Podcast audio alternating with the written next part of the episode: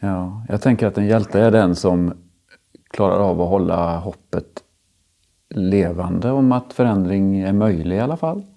Mm. Som kan övertyga andra om att eh, vara med på det och försöka få folk att hänga med.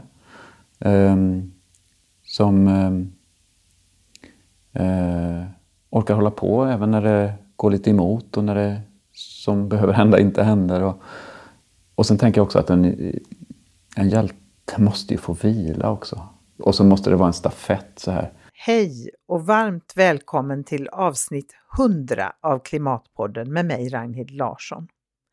Här får du möta forskare, aktivister, författare, journalister, psykologer, omställare och alla andra som på en mängd olika sätt engagerar sig för att mildra de allra värsta effekterna av klimatkatastrofen. Inför detta hundrade avsnitt ville jag förstås göra något speciellt. Men vad?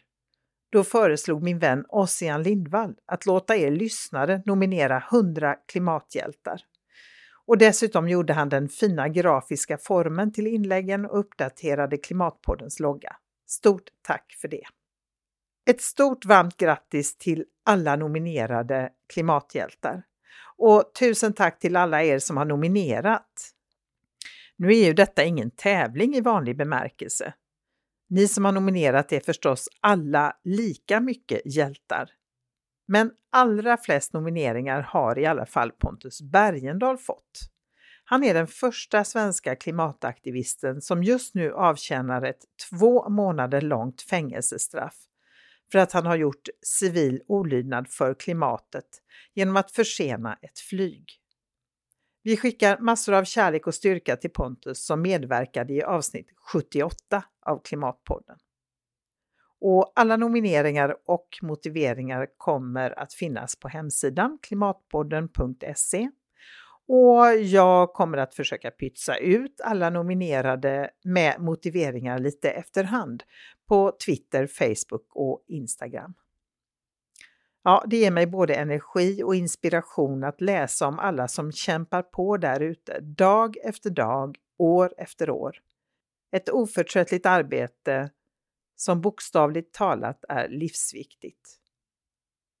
Och det är väldigt uppenbart att det finns så många olika sätt att engagera sig på och alla behövs. För en sak är säker och det har ni hört mig säga så många gånger. Det är bara tillsammans vi kan komma någon vart. En och en är vi chanslösa. Och som Sara Nilsson Löv sa i förra avsnittet, om vi inte gör något för att hejda klimatkrisen så vet vi att det är kört. Och därför måste vi såklart göra allt vi kan och lite till, tillsammans. I det här avsnittet har jag kontaktat några av alla nominerade. Helst hade jag förstås velat prata med varenda en av er, men det lät sig inte riktigt göras. Men många av er kommer att dyka upp som gäster i kommande avsnitt. Och sen pratar Kenneth Ölund och jag om vad en klimathjälte egentligen är. Och därefter är det Kenneth som intervjuar mig. Kenneth var med som gäst under 2016 och berättade då om hur han tillsammans med Ende Gelände blockerade tågspåret till en tysk kolgruva. Kenneth är poet och klimataktivist, fast mindre aktiv de senaste åren än han kanske egentligen hade önskat. Och han försöker också i skrift och tal och handling att vara en ambassadör för allt levande, för skogar och marker och vatten som själva inte har ett språk som människor så lätt förstår. Ja, det här blev ett extra långt avsnitt. Så ni får helt enkelt dela upp lyssnandet om det blir för mycket att ta in på en och samma gång. Men nu är det dags att sätta igång det här avsnittet och vi ska börja med att prata med en av de nominerade, nämligen Esmeralda Sjögren. Hej Esmeralda! Du har blivit nominerad av Klimatpoddens lyssnare till eh, En klimathjälte. Och jag tänkte att jag ska börja med att eh, läsa upp ehm, motiveringen. Då står det så här. För sin outtröttliga kamp för klimatet, mot orättvisor och för djuren, människorna och vår planet. För att alltid gå i fronten, alltid vara där och alltid ta kampen. En riktig klimathjälte. Det var en fin motivering. Ja, verkligen. Jag blir alldeles, eh, alldeles rörd faktiskt. Um, ja, nej men eh, så är det tror jag väl att um, ibland kan det ju vara lite svårt att få syn på sitt eget engagemang för att det känns så eh, självklart när krisen är så pass akut som den är. Um, så det finns inget annat alternativ än att gå, gå i fronten. Men sen vill jag väl också säga att eh, det här initiativet är så otroligt fint för att eh, vi är ju liksom många klimathjältar. Det är ju inte en individ som kommer att förändra världen utan det är ju en kollektiv organisering och handling som måste till för att vi ska kunna möjliggöra en systemförändring.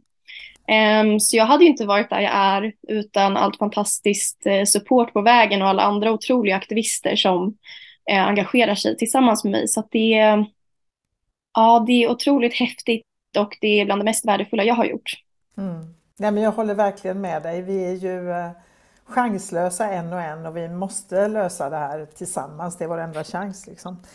Så vem är du Esmeralda Sjögren? Ja, eh, jag är en eh, 24-årig klimataktivist eh, som eh, framförallt är eh, engagerad i Aurora-målet, Fridays for Future och numera även vice ordförande i Fältbiologerna. Ehm, så jag skulle väl säga att i princip hela mitt liv genomsyras av kampen för klimat och eh, rättvisa. Ehm, och ehm, jag jobbar även på en mötesplats för ungas klimatengagemang i namn Momentum. Just för att vi vill förtydliga att, att det är ett momentum vi står inför. Vad, vad var det som fick dig att engagera dig i klimat, krisen i klimatfrågan?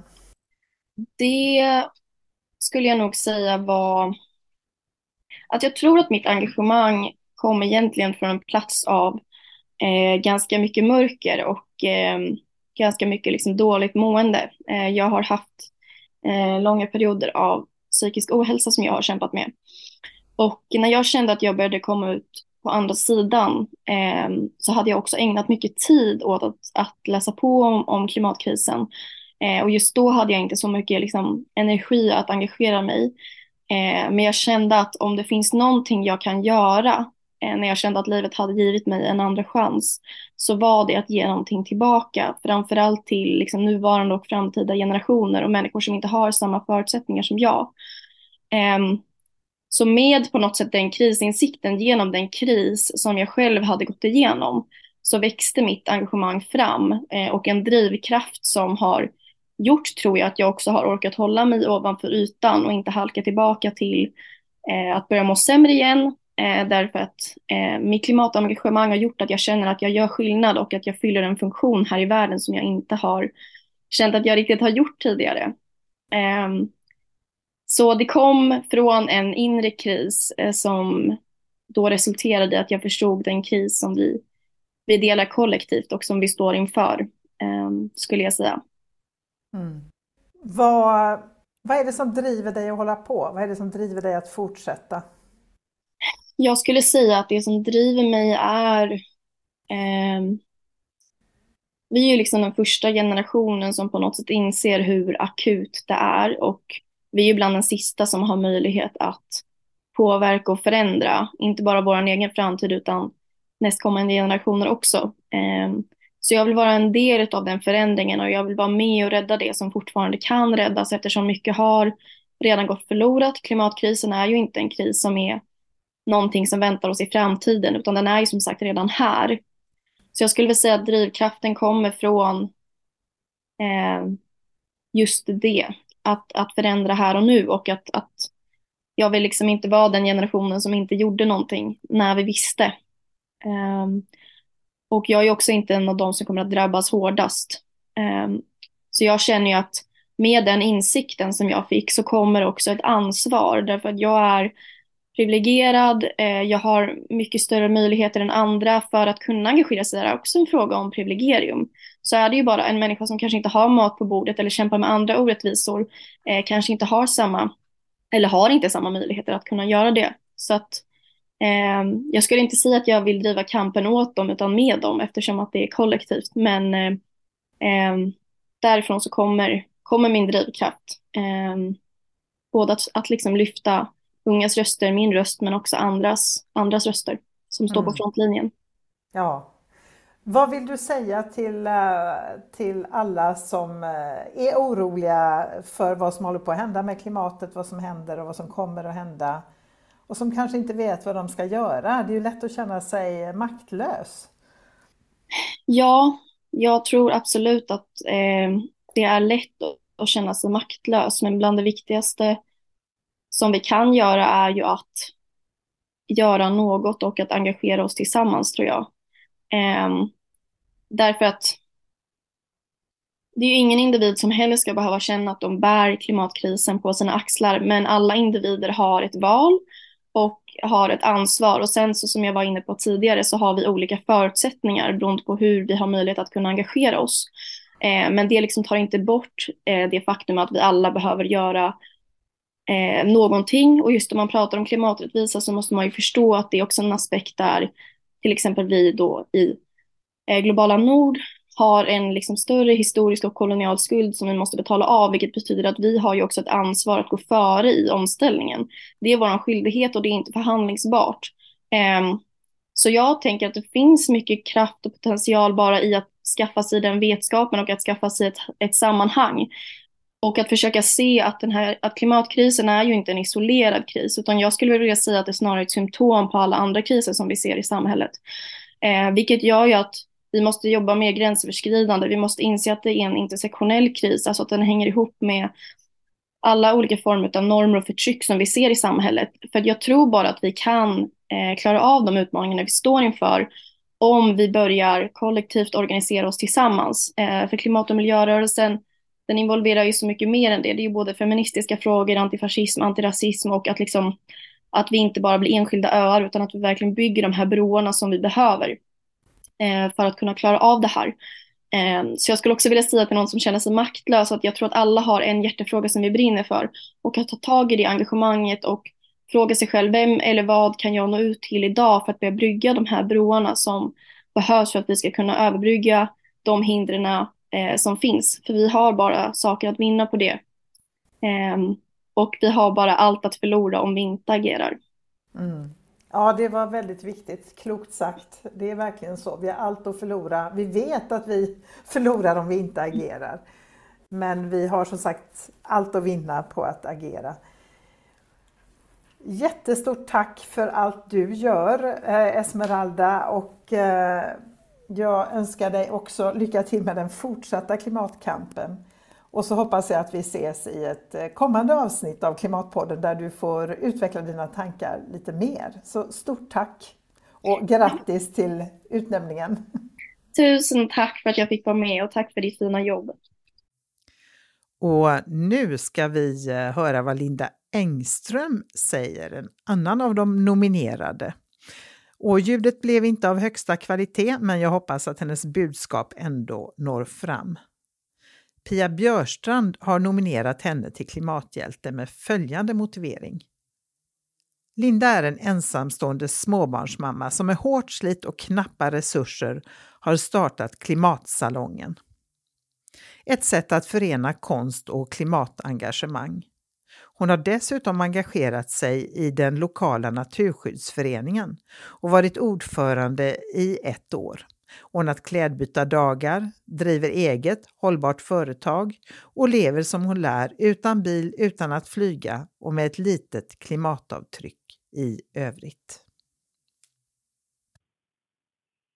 Grattis till nomineringen till klimathjälte Linda Engström. Tack så jättemycket. Hur kom det sig att du engagerar dig så här mycket i klimatet?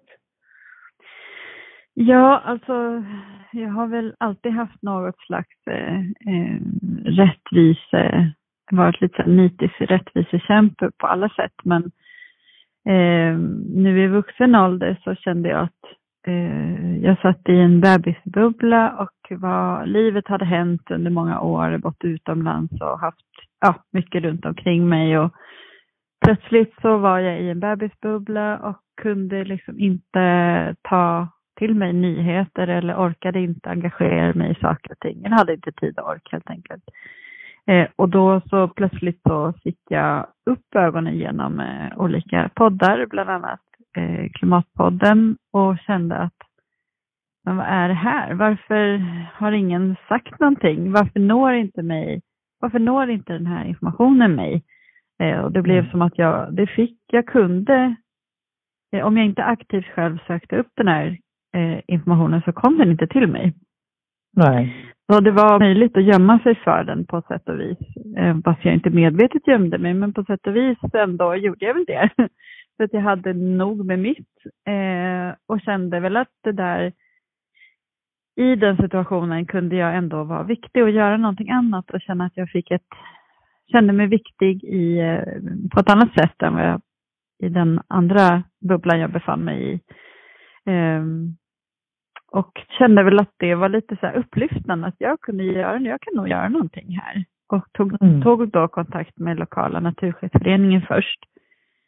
Eh, och de tyckte att de, de har jättemycket kunskaper och engagemang. Då, just då så var ja men då gör jag en klädbytardag till exempel och så börjar vi så.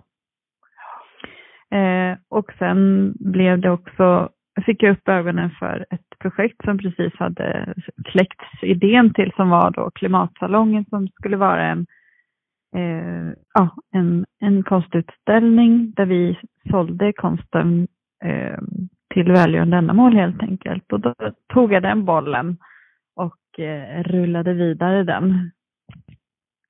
Och så, ja men så där började det kan man säga, på allvar. Ja, ja. Eh, vad är det som driver dig att hålla på? Som gör att du liksom orkar eh, fortsätta med det här? Ja, alltså jag försöker alltid hitta eh, något som jag Eh, jag kanske inte alltid står på barrikaderna, men låt säga att jag har, jag tycker om konst och eh, formgivning och då kan jag engagera mig i projekt och skapa projekt där jag också får arbeta med den delen som jag tycker är väldigt rolig. Eh, så det faller sig naturligt för mig att, eller jag tror det smartaste är att göra något med det som jag redan är insatt i och det som jag redan tycker om. Ehm, så är, om jag ritar och gör affischer och gör andra och sådana saker, då blir det ju mer givande att hålla på eh, och då kan man hålla på längre än om man gör någonting som, som kanske inte faller så naturligt för en. Och sen är det så att jag älskar ju samarbeten och jobba tillsammans med andra eh, och ja. skapa, skapa någon slags eh, korsbefruktning mellan olika kunskaper och, och ja, expertiser eller vad, det, som, det som man drivs av. Och då kan man ju göra tio gånger mer eh, än det man, om man måste göra allting med, själv, med sin egen kunskap bara. Så det är också en grej som jag känner att ger otroligt mycket energi, att man jobbar tillsammans i olika projekt. Ja, men jag tror du är inne på något jätteviktigt där. Jag tror verkligen att det är en nyckel, det här att jobba tillsammans. För att går man bara ensam med alla sina tankar mm. så blir det ju lätt övermäktigt och man känner sig väldigt, väldigt liten mm. i det stora hela. Du, eh, ja, stort grattis igen och eh, tack för allt du gör för klimatet. Eh, och jag tycker att det var en bra sak du var inne på där, att hitta det man tycker är roligt att göra och som man liksom är bra på och att mm. bidra med det i klimatkampen. Det finns ju tusen mm. sätt att, att bidra liksom, att, mm. engagera sig. Mm. det är lätt att tänka att det bara är ett sätt. Liksom. Men, men mm. vi har ju, och det tycker jag är fantastiskt i de sammanhang där jag är, att det är så många, folk har så mycket kunskaper och talanger. Och mm. tillsammans kan vi liksom göra väldigt bra saker, tycker jag. Mm.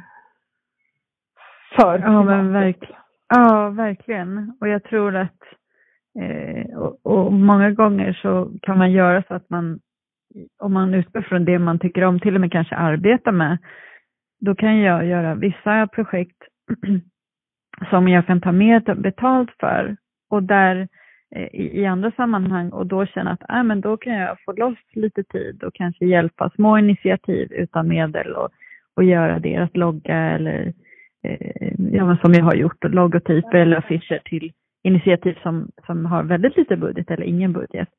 ja. att känna att och det är också ett bra sätt att, att, att öka nätverket och synas på, på platser som känns smarta och hållbara att, eh, att samarbeta med. Det är ju, ja, det är jättebra. Mm. Mm. Ja, stort tack. Vi hörs säkert igen. Vi får spela in ett helt avsnitt. Jag tycker det här är väldigt, en utmaning verkligen att uh, göra så här korta intervjuer. Ja. Eftersom jag är van att prata väldigt länge med folk. Men då hoppas jag att vi kan ses och uh, spela in. Så ja, du får ha en fortsatt bra dag. Så, Tack så hörs mycket. vi framöver. Detsamma. Jag hör av ja. mig om hur det blir med årets klimatsalong så får vi få till det då. Ja, det låter jättebra. det är bra. Okay. Tack så jättemycket. Tack. Ha det bra. Hej. Hej då. Hej.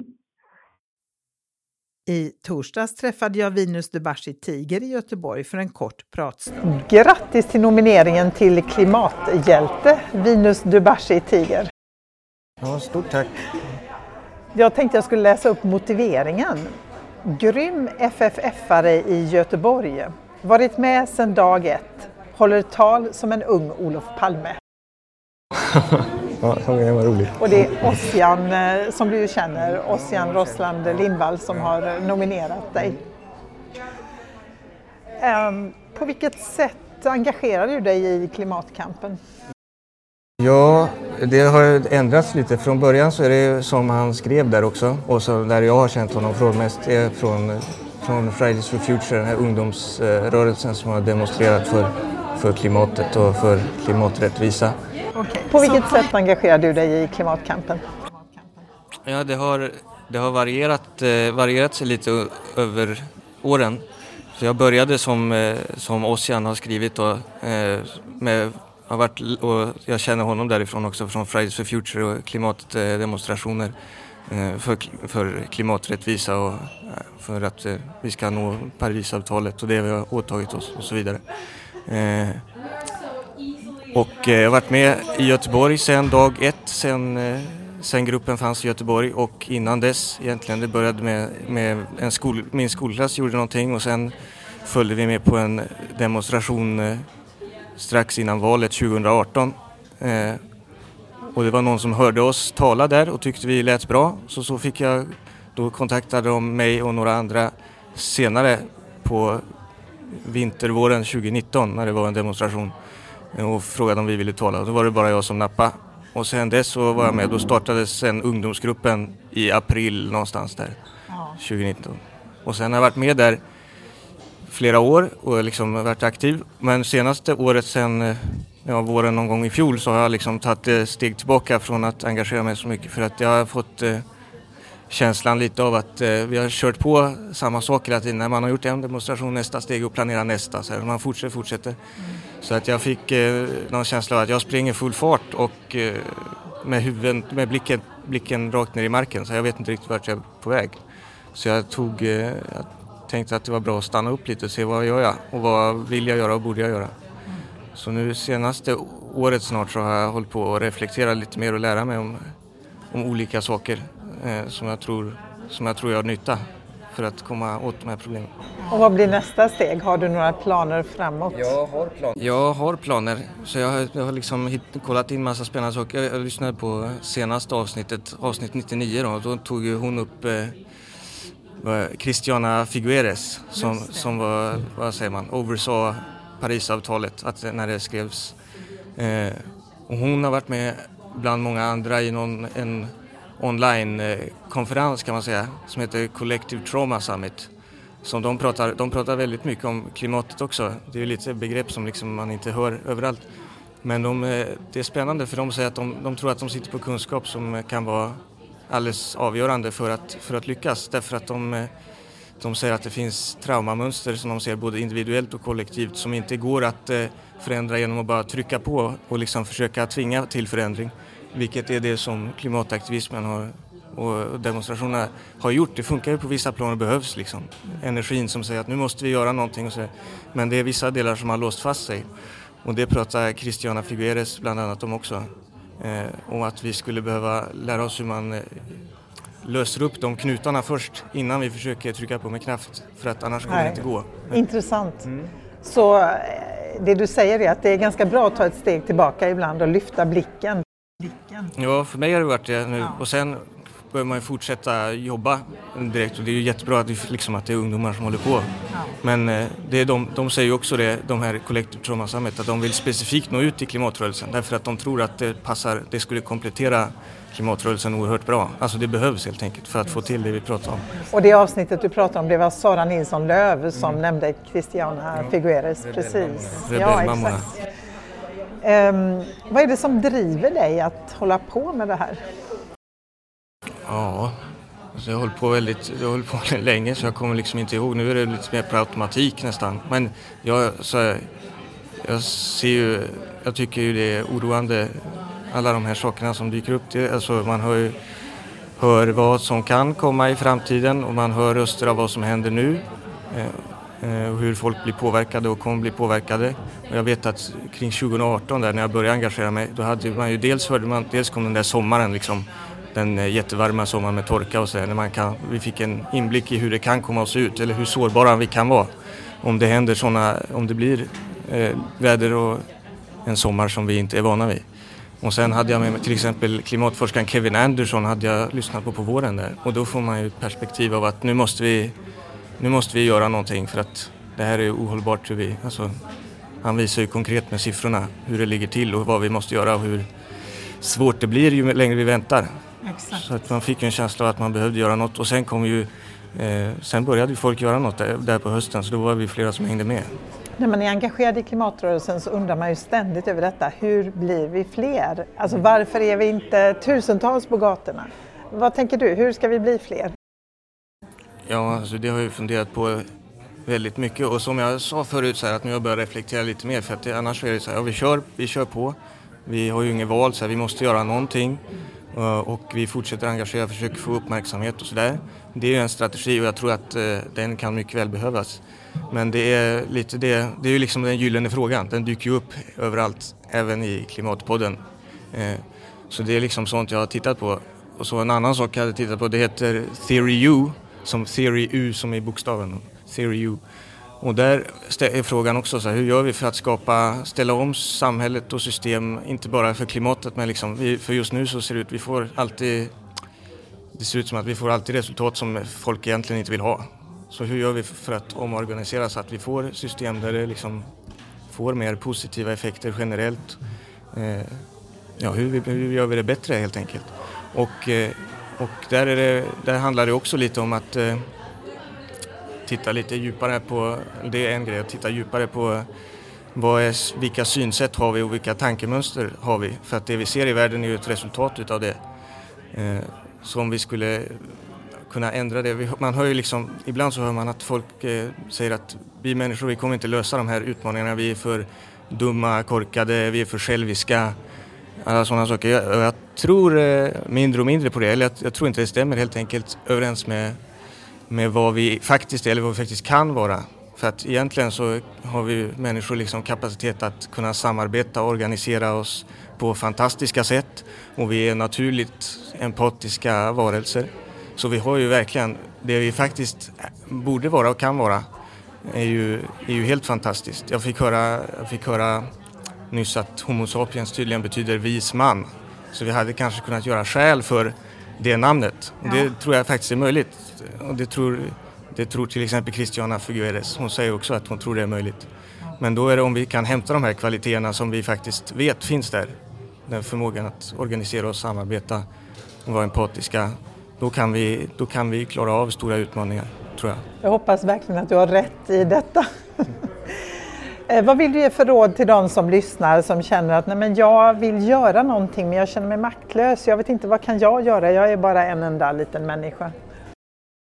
Ja, alltså det finns ju massa olika sätt. Det beror ju på vad man, eh, vad man vill göra. Det går ju att gå med i Fridays for Future. I Göteborg så står, det, så står det folk varje fredag på Gustav, Gustav Adolfs torg mellan klockan tre och fem på eftermiddagen.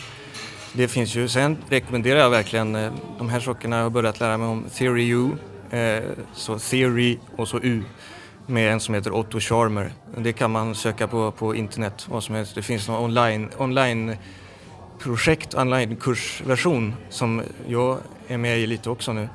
eh, som heter U-lab, så U-lab.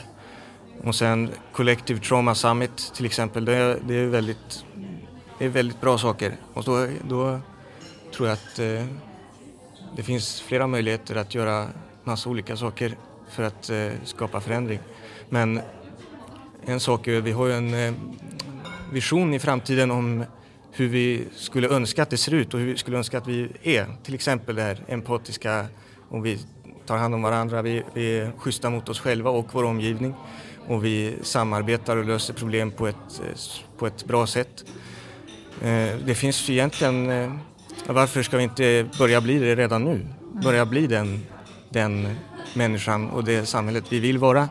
Och det, det smittar ju av sig, så bara man gör det på individnivå, vilket är en läroprocess, man blir bättre och bättre hela tiden. Men jag tror att det, jag tror att det kan hjälpa om vi blir flera som försöker göra så. Då blir det, det pratade Christiana Figueres om också på Collective Trauma Summit, att vi kan börja gå från, att, från en linjär tidsplan där vi säger vi gör det här vid det här året och så här, som klimatplanerna ser ut nu och som går alldeles för långsamt. Mm. Till att om vi börjar göra det här, lösa upp knutar och hämta egenskaper och eh, kapaciteter som vi faktiskt sitter på, då kan det gå exponentiellt, vilket, som är, vilket är vad vi behöver. Verkligen. Ja, vi får träffas eh, igen och prata mer om detta, det ser jag fram emot. Men stort lycka till med ditt fortsatta arbete för klimatet, för en beboelig planet. Och vi går vidare till nästa klimathjälte, nämligen Ulla-Karin Pettersson som har fått två nomineringar från Åsa Palm och Malin Mattsson. Välkommen till Klimatpodden Ulla-Maria Pettersson. Ullis vet jag att du kallas också. Eh, vem är du? Ja, hej och tack får man ju säga. Eh, jag är ju en eh, ganska vanlig Täby-mamma kan man säga. Har två barn, jobbar med kompetensutveckling på dagarna och med klimatet vid sidan av kan man säga. Ja. Mm. Och du har ju då blivit utsedd till klimathjälte av Klimatpoddens lyssnare, närmare bestämt Malin Mattsson och Åsa Palm. Så du har fått två nomineringar här från olika håll. Och jag tänkte ja. jag skulle läsa upp de här nomineringarna. Eh, för fyra år sedan startade Ulla-Marie ett lokalt klimatnätverk i Täby och hennes fantastiska engagemang och entusiasm har gjort att nätverket har vuxit till över 1600 medlemmar. Ulla-Marie har en unik känsla för att uttrycka tankar om klimatet på ett positivt sätt så att det hon säger, skriver och gör engagerar istället för att skrämma iväg. Hon är en verklig klimathjälte. Nätverket har under åren påverkat både politiker och invånare i kommunen genom politikerdialog, politikerintervjuer, klädbyten, webbinarier, demonstrationer, medborgarförslag, after work, eh, med klimatdiskussioner, intervjuer med lokala klimathjältar, initiativ att odla äng med mera, med mera. Utan Ulla-Marie hade inget av detta hänt och det har varit viktigt för Täby. Att flera av de lokala partierna börjar förstå att också vad som sker på det lokala planet eh, spelar roll är i mycket hennes förtjänst. Och hon eh, och att hon har gått från att vara helt omedveten om klimatet fram till sommaren 2018 till att vara oerhört engagerad på ett så positivt och kreativt sätt gör hennes historia extra intressant. Och det här var Malin Mattsson som skrev den här fina nomineringen. Oj, oj, oj, jag börjar nästan gråta. Malin, tack Malin. Vilka fina ord. Ja, verkligen. Ja, det var det. Oj. Och så har vi nomineringen från Åsa Palm här, hennes motivering. Ulla-Marie Pettersson är en av grundarna till klimatnätverket Ett hållbart Täby och i över tre år har hon outtröttligt kämpat för lokal omställning på alla nivåer. I sitt engagemang för jorden är hon en sann förebild och många liknande nätverk i Sverige har funnit kraft genom att snegla och samverka med just Ullis och Ett hållbart Täby. Initiativ som dels drivit på klimatpolitiken i hennes kommun, men även initiativ som manat till personlig omställning bland invånarna i Täby. Men hon har även tagit alla chanser att inspirera utanför den lokala gruppen, där hon primärt är verksam, såsom vid samverkansträffar med andra klimatgrupper och vid större nationella evenemang, eh, såsom under klimatriksdagen och Forum för lokal klimatomställning. Ullis förändrar världen varje dag genom sin entusiasm, kämparglöd och genom sitt sätt att nå ut till andra. Genom all tid hon valt att avsätta för klimatarbete, ledig från sitt betalda arbete på fredagar och har vikt denna dag till omställningsarbete. Och genom sitt sätt att sprida intresset för hur vi kan värna jorden. Ullis är en sann klimathjälte. Grattis! Åh gud, jag blir alldeles, jag blir alldeles mållös. Åsa, all kärlek tillbaka till dig och till Malin. Tack snälla, snälla ni. Det här måste vara ett roligt jobb för dig att göra folk så här glada. Ja, eller hur? Verkligen. Jag blir jätteglad. Man kan behöva det i dessa dystra, dystopiska tider. Lite Ja, verkligen. Ja, allt är inte dystert. Nej. Nej. Vad var det som fick dig att engagera dig i klimatet? Ja, nej men precis som jag tror Åsa sa, så, eller Malin, så var jag ganska omedveten innan 2018. Eh, men då fick jag ju å andra sidan en rejäl eh, kalldusch. Jag fick min egen klimatkris. Eh, jag var gravid och det var ju många som delade den upplevelsen med mig den sommaren. Det var väldigt varmt. Eh, och jag fick faktiskt en, en fysisk eh, och känslomässig chock. Eh, det var den 7 augusti och jag kommer ihåg det, jag kommer aldrig glömma det. Eh, sen gick jag in i en period av, eh, jag skulle säga chock och sorg som varade ett ganska bra tag faktiskt. Mm. Och, vad, och vad, hur, hur hanterade du den sorgen? Vad, vad gjorde du med mm. den? Ja. ja, jag kände mig väldigt ensam. Jag var nyinflyttad i Täby och jag hade mina egna vänner långt ifrån mig. Ehm, och när man inte känner människor så är det ganska svårt att börja prata om klimatkrisen. Det var ingen bra icebreaker. Ehm, så jag eh, började ju med att försöka hitta andra som, som kände som jag.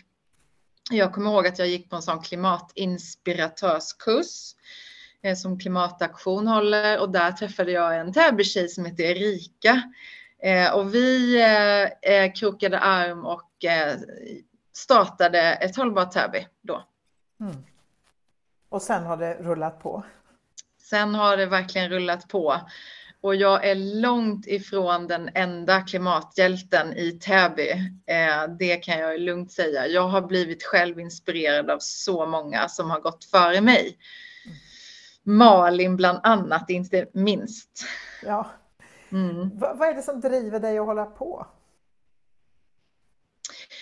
Ja, jag har tänkt på det mycket och det är många olika delar. För mig är det som att liksom rullgardinen har gått upp och när jag nu vet det här och jag vet inte allt, men så som jag känner när jag hör vart vi är på väg så kan inte jag ha ro utan att agera. Och, och det ger mig mening och glädje att agera. Så att det är som att eh, andas nu mm. faktiskt. Ja. Det blir så självklart. Ja, det blir det. Och det, det ger mig otroligt mycket. Mm. Eh, jag skulle inte vara, vilja vara utan det. Nej, Många tror jag av oss som är engagerade i klimatet det går ju att lägga hur mycket tid som helst på det för det finns liksom ingen så här ände på det och det är inte så att ja, men om en vecka är det klart eller om ett år eller två. Utan det är ju liksom ett livslångt engagemang. Eh, hur får man ett hållbart engagemang? Mm. Eh, men det är ju jätteviktigt och någonting som, jag, som är viktigt för mig det är att också ha roligt. Eh, annars eh, så håller det inte. Eh, jag är ju också beteendevetare och, och läser mycket om motivation.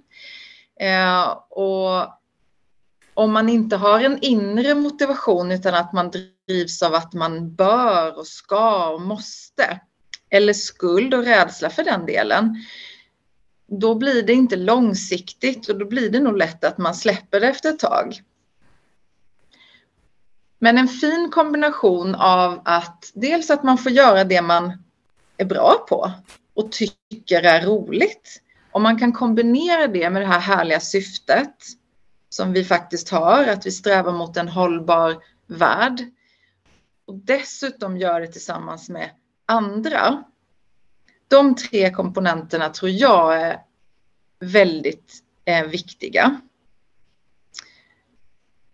Och en annan sak som jag själv insåg efter valet, det är ju att man också måste vara snäll mot sig själv och få pausa. Mm. Eh, för man orkar inte vara i det här hela tiden, särskilt inte när det går dåligt. Och det var ju många som kände att det gick dåligt efter valet. Eh, och jag fick en, en stor dipp då och behövde ta en, en bra paus och ta hand om mig själv. Mm. Och det gjorde jag. Eh, och det, jag lät det ta tid tills jag kände lusten komma tillbaka. Och det har den gjort nu? Nu har den verkligen gjort det, ja. ja. Vad skönt att höra. Ja, definitivt. Nej, men det, då blir det ju långsiktigt hållbart. Annars hade jag kanske nej, men, gett upp. Mm. Men eftersom det är som att andas för mig så, kun, så kan, kan, jag inte det. Men jag behövde den där pausen. Mm. Ja, jag tror det är jätteviktigt det du säger, att ta hand om sig själv och att uh, kunna ta ett steg tillbaka. Mm.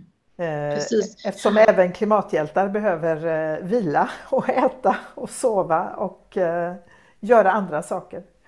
Ja, verkligen. Och Åsa och Malin och alla andra fina människor som jag har lärt känna eh, under den här tiden. Vi stöttar ju varandra väldigt mycket och vi hade faktiskt ett viktigt möte ehm, där vi bara tillät oss själva att pysa ut och berätta om allt som var jobbigt och svårt och att det är tungt. Och, och det var så förlösande, vet, så vet både för, för Åsa och mig och för Malin tror jag, så, så fick, fick vi ny energi av det. Ehm, för man orkar inte vara den här hela tiden som, som är positiv och inte när det inte är äkta och kommer inifrån. Då, är jag hellre tyst om jag inte känner att det är på riktigt. Mm. En annan sån där fråga som också tror jag alla ställer sig som eh, håller på med det här och är engagerade, det är hur når vi ut till fler? Hur ska mm. vi lyckas bli mm. tillräckligt många för att ändra på utvecklingen? Ja, ja, det är en knäckfråga och där får man ju jobba med trial and error hela tiden. Vi har ju ingen, inget facit. Um, men jag tänker på två saker. Jag är väldigt inspirerad nu av eh, ehm, ett gäng eh, brittiska klimatcoacher som har startat en, eh, du kanske har eh, span på dem Ragnhild, men det finns en, ehm, en organisation, ett företag som heter Climate Change Coaches. Eh, nej, men då ska vi... De känner inte eh, till det. Det, det får du fördjupa dig i. Ja. Nej, men det är superspännande för, för eftersom jag jobbar ju inom HR och, och med lärande och utveckling så ligger det här ämnesområdet mig väldigt nära om hjärtat. Och nu när det finns några som verkligen har fördjupat sig, yrkeskunniga som har fördjupat sig i det här, så läser jag allt jag kan komma över. Eh, och två saker då eh, som jag tänker på just nu för att få med sig fler. Så är det för det första att hantera sig själv. Att hantera sina egna känslor i, i trygga forum eh, så att man väljer lite grann vad man sänder ut. För det kan ju lätt bli så när man är ledsen, arg, upprörd, jag inte minst har gått i den fällan flera gånger, att man inte blir så tilldragande i sin kommunikation. Ja, man hamnar i att man, att man kanske skammar, dömer, vill trycka på rädslor för att man själv är rädd. Och det är ingen framkomlig väg. Då attraherar man inte fler. Det är ingen som vill hänga med ändå. Det är inte kul. Så det är det första rådet, att hantera sig själv med likasinnade. Mm. Istället. Så när man väl ska ha extern kommunikation, att man, att man gör det på ett smart sätt. Mm. Det är det ena. Och det andra är vikten av relationer. Eh, och det är som, som kallsälj ungefär. De som sysslar med, med det i, i eh, sitt yrkesliv vet hur otroligt svårt det är eh, att få med sig folk när man inte har en relation. Nej. Så att de som är ens viktigaste intressenter, eh, de som man väljer att man vill påverka, vare sig det är sin familj eller vänner eller på jobbet eller i en kommun, eh, skapa en god relation till dem.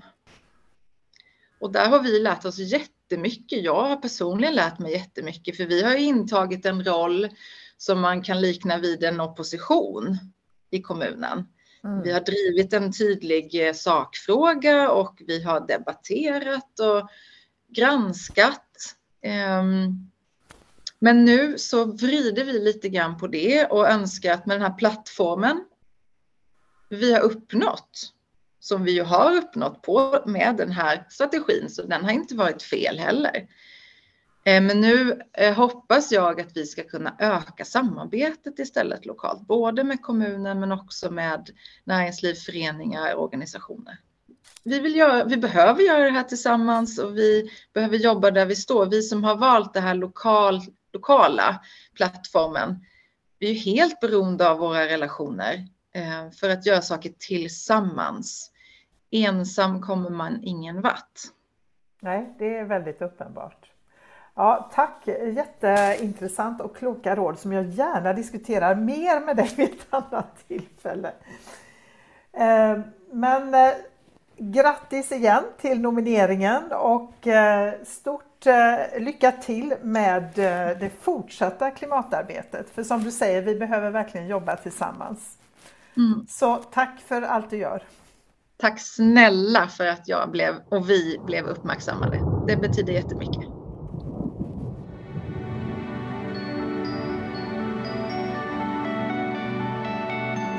På Klimatpoddens hemsida hittar du hela listan på alla klimathjältar och med de fina motiveringarna. Så gå gärna in och läs på klimatpodden.se. Men vad är egentligen en klimathjälte? Och är det någon sorts tävling? Och hur ska vi orka hålla på i längden? Om detta och mycket mer samtalar Kenneth Ölund och jag innan han börjar ställa frågor till mig. Välkommen till Klimatpodden avsnitt 100, Kenneth Öhlund. Tack, det är en ära att få vara med igen får jag väl säga. Precis, du har ju varit med en gång förut eh, och pratat om eh, när du åkte till Tyskland med Ende Gelände. Vi kan ju komma in på det igen, men eh, du ska få presentera dig först. Mm. Vem är du? Jag är, i de här sammanhangen vill jag, man får ju välja vem man vill vara. Ja, och i det här sammanhanget vill jag vara någon slags poet som försöker skriva Eh, texter som kanske lite grann rör livet och den biologiska mångfalden och vår eh, relation till allt annat som lever. Eh, och sen är jag också lite grann klimataktivist, ibland lite mer, som när jag åkte till Tyskland då och var med i en kolgruva och försökte blockera en kolgruva. Och ibland väldigt mycket mindre. Och nu håller jag på att försöka göra en liten comeback och har varit med på en rebellpappa-manifestation här i Göteborg där vi ja, eh, visade, visade upp oss på stan helt enkelt och med, med budskapet att eh, eh klimatkrisen behöver tas på allvar. Mm. Vad var det det stod på din skylt? Ja, just det. Det var lite sådär ironiskt där. Just det, så var det jag skrev. En sån brakfest! Utropstecken, utropstecken. Hehe, ungarna får städa efter oss. Eller hehe, ungarna får städa för att vara ordagrann. Eh, så har jag skrivit. En sån brakfest. Hehe, ungarna får städa. Mm, för så kan man ju se på det. Mm. Eh, vi festar loss eh, på jordens resurser. Eh, vi bjuder barnen, de ju de som bor i den delen av världen där man har råd att festa loss. Eh, och det gör ju både du och jag och många andra här i Sverige har råd att festa loss och så gör vi det på jordens resurser och så låter vi ju barnen vara med i och för sig. Kanske utan att riktigt eh, tänka på det är de som får ta notan sen, springnota. Just det. Eh, från vårt, det vi kanske prackar på dem och lär dem och uppskatta också. De lär sig att det här festandet är liksom rätt sätt, lär de sig också. Mm. Eh, och jag kan tänka mig att många vet nog att notan kommer, men man har ju som lätt att... Ja, det är så mycket vardag hela tiden. Mm. Lätt att eh, blunda. Ja, det är så mycket... Titta åt andra hållet. Ja, jag har ju så mycket ändå. Jag måste till dagis, jag måste till skolan och jag måste till jobbet och jag måste det och jag måste det och jag måste alla de här sakerna. Jag måste ta hand om min... Alltså det är på riktiga, riktiga saker också. Jag måste ta hand om min... Det här gäller inte mig då utan det är en liknelse. Men jag måste ta hand om min gamla mamma. Jag måste ta hand om eh, en sjuk släkting. Jag måste liksom... Det är massa saker man måste. Och så, liksom det... och så ska jag orka oroa mig för klimateländet också. Mm. Och så eh, lägger man kanske det åt sidan. Mm. Ja. Till det här avsnittet har ju våra lyssnare fått nominera 100 klimathjältar. Eh, och jag tänkte att vi skulle prata lite om vad är egentligen en klimathjälte? Vad tänker du? Mm. Eh, det jag vill säga först är nog att jag har ändrat väldigt mycket tankesätt kring vad en klimathjälte är. Om jag för fem, sex år sedan eh, skulle svarat på den frågan så hade jag nog sagt väldigt mycket de här grejerna som det är liksom konsumentmaktsgrejen. Att ändra i sitt eget liv. Ställa om eh, sina... Tänka, ställa undan bilen, eh, äta, sluta med köttet, eh, äta växtbaserat sluta flyga. Alltså, det, jag säger inte att man inte ska göra de här sakerna, för det tycker jag nog att man ska försöka göra ändå, för att det är bra saker liksom, sammantaget. Men det är inte det som är... Jag ser inte något riktigt sådär... jag, jag tror liksom inte längre på att det är det som kommer att lösa några kriser. Att den gör si och den gör det och den gör det liksom lite grann för sig själva. Och vill man låta bli så kan man bara låta bli. Så, så, att jag har nog... Jag, jag, jag, jag, kanske hade pratat mycket om det, att den som gör alla de här sakerna är liksom någon slags hjälte. Och ja, men det är man väl kanske på ett vis. Men jag tycker nog kanske mer att de hjältarna som jag vill se nu, eller som jag liksom tänker på nu, kanske mer är, det kanske mer är de som som, ork, som väljer att försöka göra någonting åt de ekologiska kriserna precis så mycket som man själv just nu orkar och kan mitt i alla de här måste-grejerna i livet. Ja, men nu hade jag ett litet hål här och då ville jag göra detta och det orkade jag göra. Eh, till exempel gå med i en organisation och gå liksom ut på gatan och vid något tillfälle så här, ja men jag, jag, jag orkade göra det en gång det här halvåret. Ja men då var det en hjälteinsats att göra det den gången det halvåret för att det var det som liksom var möjligt just då.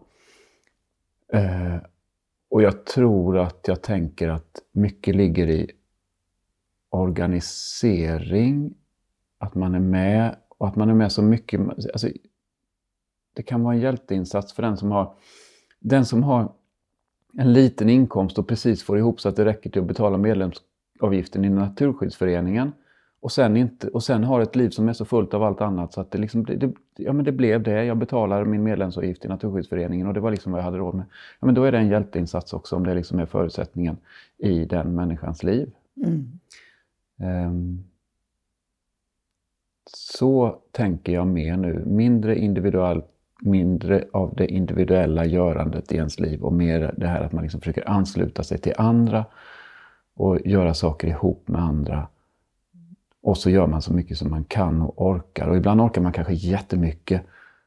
Eh, och sen kör det ihop sig i livet och, sen, och så orkar man ingenting. Eller så blir man så ledsen av att liksom vara mitt i allt det här krisandet. Så man orkar ingenting av det skälet. Och då, eh, då kanske man inte gör någonting just då heller. Och sen, kan, och sen får man liksom så här, sen hör man en berättelse om någon och nu kommer jag till en hjälte till alldeles strax. Men så man, stöter man på en berättelse om framtiden, någon som säger så här, men så här skulle vi kunna göra och det här skulle kunna bli bra. Eh, vi kanske ska ha en mötesplats i varje by med en liten pub där man ses och så kommer man dit efter jobb så kan man sitta där och jobba och så kanske man kan byta saker där och så, eh, Ehm, alltså, och så berättar någon en sån, och, och, men nu orkar jag igen för det där, det där kändes som ett fint liv att liksom sträva mot. Och då tänker jag, en annan sorts hjältar, det är de som, det är de som kan det är de som kan ge oss de här berättelserna om hur livet skulle kunna bli. Um, som kan ge hoppet om att... Uh, jag tror inte att man säger... Uh, ibland säger klimatrörelsen så här, eller miljörörelsen också så här. Vi måste måla upp en bild av framtiden så som vi tror att den ska bli och den ska kännas jättehoppfull och den ska kännas som att alla vill vara i den. Ja, men det kommer ju aldrig att finnas en sån berättelse som alla kommer att vilja vara i. Hur skulle det... Alltså, det, det, är som att man, det är som att man nu skulle kunna beskriva hur världen ser ut och sen så, så det går ju inte att beskriva den världen som den är nu på ett sätt som alla vill vara i. Några vill göra si och några vill göra det och andra vill Eh, och så kommer det såklart att vara i framtiden också. Men den, liksom ramen kring den här framtiden behöver vara hållbar. Och så vill jag att många olika människor med eh, författarbegåvning eller poetisk begåvning eller forskningsbegåvning eller någon slags eh, berättarskicklighet kan berätta tusen framtider som alla är hållbara. De, de tusen personerna är också hjältar, de som kan liksom, jag berättar min framtid den här skulle kunna bli bra och den skulle kunna rymmas inom planetens gränser. Ehm, de, de som berättar de berättelserna är också hjältar tycker jag. Mm. Och jag håller med och jag tror att det är jätte, jätteviktigt för det är väl ändå så att vi har vi har ju tillräckligt med fakta. Vi behöver egentligen inte mer fakta uh, om att det är bråttom och så vidare. Och vi vet ungefär vad vi behöver göra. Men, men vi saknar ju verkligen berättelser. Um, på många sätt. Och våra hjärnor är ju ändå konstruerade för berättelser. Faktiskt. Eh, så det är kanske det som är nyckeln. Men, men jag håller med dig om att en enda berättelse verkar lite svårt. Ja. och, och, vi har olika bilder. Eh, men, men som det är nu tänker jag så vet vi famlar liksom. Vi vet liksom inte riktigt vart är vi på väg då. Och jag inbillar mig att vi går omkring med väldigt många olika ja, men framtidsbilder i huvudet. Mm. Alltså antingen total katastrof eller ja, det kommer att bli helt okej. Okay. För jag tänker det är väl också, en sak är ju menar jag, vart vill vi? Och vad tror vi kommer att hända? Det är mm. också olika saker. Ja, det är väl också en sån sak som på gott och ont har hänt in i mitt huvud de senaste åren. Det är att jag hade nog mycket större tro på att vi vet allt vi behöver veta kunskapen är tydlig och de här sakerna behöver vi göra och så bara beslutar vi. Men alla vet och så fort alla, och sen om äh, men alla vet inte det, nej, men då berättar vi det för dem och så får de kunskap och sen bara händer så allting, så löser det sig. Ja, men jag tror ju inte på det längre för att i så fall hade det ju varit löst och gjort och eh, de förtroendevalda som vill förändring åt det här hållet eh, hade varit, vunnit varenda val och det gör de inte. Och, Eh, det stoppar upp på vägen. Så, och, och, sen, och då man ju så, så, att en sån, en sån insikt som kommer med tiden kanske, man, man, går in i klimatrörelsen och så är man optimistisk och glad och tror att allting kommer att ordna sig för att det finns, bara, bara, vi, bara vi talar om hur det ligger till. Och så blir man så här som, så ser man hur komplicerat allting är, hur svårt det är och eh, komplexiteten i det. Så här, Um, hur ska vi, bara för att ta ett exempel så här. Um, så här tror jag att det är. Resurserna på, som planeten bjuder i form av energi och uh, färsk råvara som kan tas ur marken kan omöjligen räcka så att alla på jorden kan leva som vi gör nu materiellt och med alla de uh, och det, är ju, det rättvisa är ju att alla får göra det. Det rättvisa är att alla får ha ungefär samma förutsättningar till liv. Det, är liksom, det går inte, det, det går ing, inget annat är moraliskt försvarbart kan jag tycka. Då. Eh, så då måste det jämnas ut. Och så räcker det inte riktigt. Och då måste man välja bort saker och välja till saker. Och, och vad ska vi, hur ska den liksom mekanismen se ut som väljer bort och väljer till? Hur ska vi se, se att det blir... Eh, eh jag, jag hittade en, på någon sån här postordersajt, hittade jag en det är nog den mest onödiga produkten jag någonsin har sett. Tror jag. Eller jag brukar använda den som exempel på det. Det var en magväska så här. Mm. En sån här magväska. Och sen var den gjord som en gubbmage. Mm. Och så fanns det, det någon som hette, en som hette Steve och en som hette Ben. Och, en, och då var det, Ben var en blek, hårig mage. Och, och Steve var kanske lite brunare och mage utan hår. Och så skulle man liksom ha som en liten skojig grej, köpa magväskan Steve och förvara sitt öl i den. Och så tänkte jag bara, men, men alltså den sortens saker, de, de ska ju inte finnas för att vi har inte, vi har inte kapacitet till det. Eller jorden har inte kapacitet till magväskan Steve till alla. Det är, liksom inte, det är inte vettigt. Men däremot så vill jag ju att det ska gå jättemycket resurser till den här eh, till den här eh, eh, operationsroboten som tog bort min cancerangripna prostata. Mm. Eh, där vill jag att det ska finnas hur mycket energi och tillverkning och import och export som gör, och, och som gör, och gruvdrift och grejer. Allt som gör att det är möjligt och att det kan sluta i den här fantastiska produkten som är, till så, som, som är helt livsavgörande. Och så säger jag så hur ska man bygga ett ekonomiskt system som ser till att magväskan Steve inte blir av men att operationsroboten blir av? Just nu blir ju båda av. Mm. Och det styrs av eh, var pengarna finns och vem som är beredd att betala och om det liksom finns. Och jag kan inte säga att jag ser det systemet som, som löser ut den knuten. Jag, jag kan liksom inte det. Eh, och då blir jag lite så här, ja, det är synd för att man skulle vilja veta. Men då tänker jag så här istället. Då. Ja, men om vi inte kan ta hela stora steget på en gång, då får man ju ta de små stegen. Och så får du orka när du orkar och, kan, och, och vara med i Extinction Rebellion så mycket som du orkar just nu. Och, och jag får orka det jag orkar och då kanske jag är med på Rebellpappa-manifestationen. Och så kanske det inte räcker, eller så räcker det så småningom när tillräckligt många är med. Men det viktiga är inte att det vore bra om det räckte.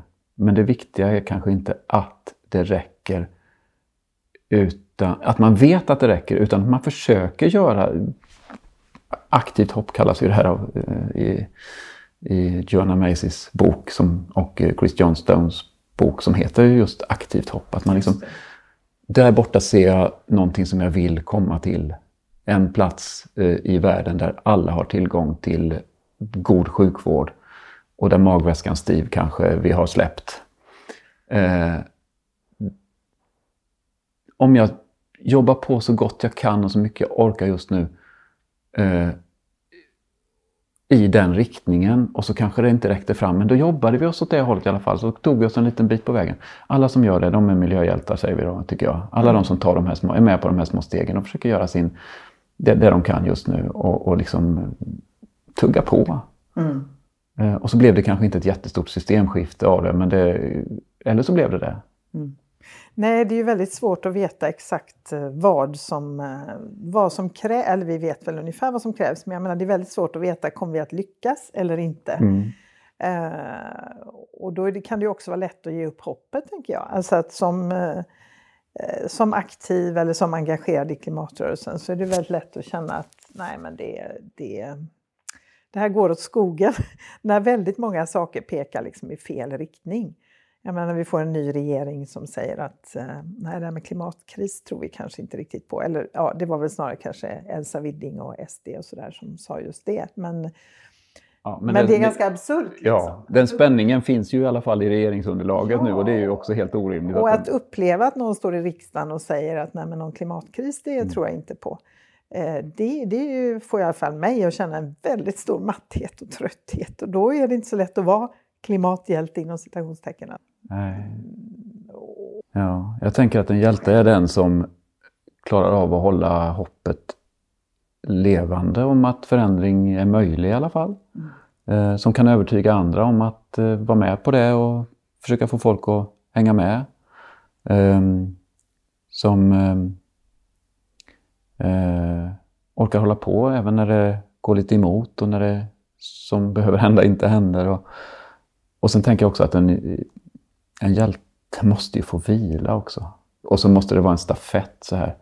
Nu orkade jag och sen kommer någon annan som orkar och sen kommer någon, en tredje och sen kommer en fjärde. Och sen kanske jag kommer tillbaka och tar en sträcka igen och så blir det liksom en slags lagtävling.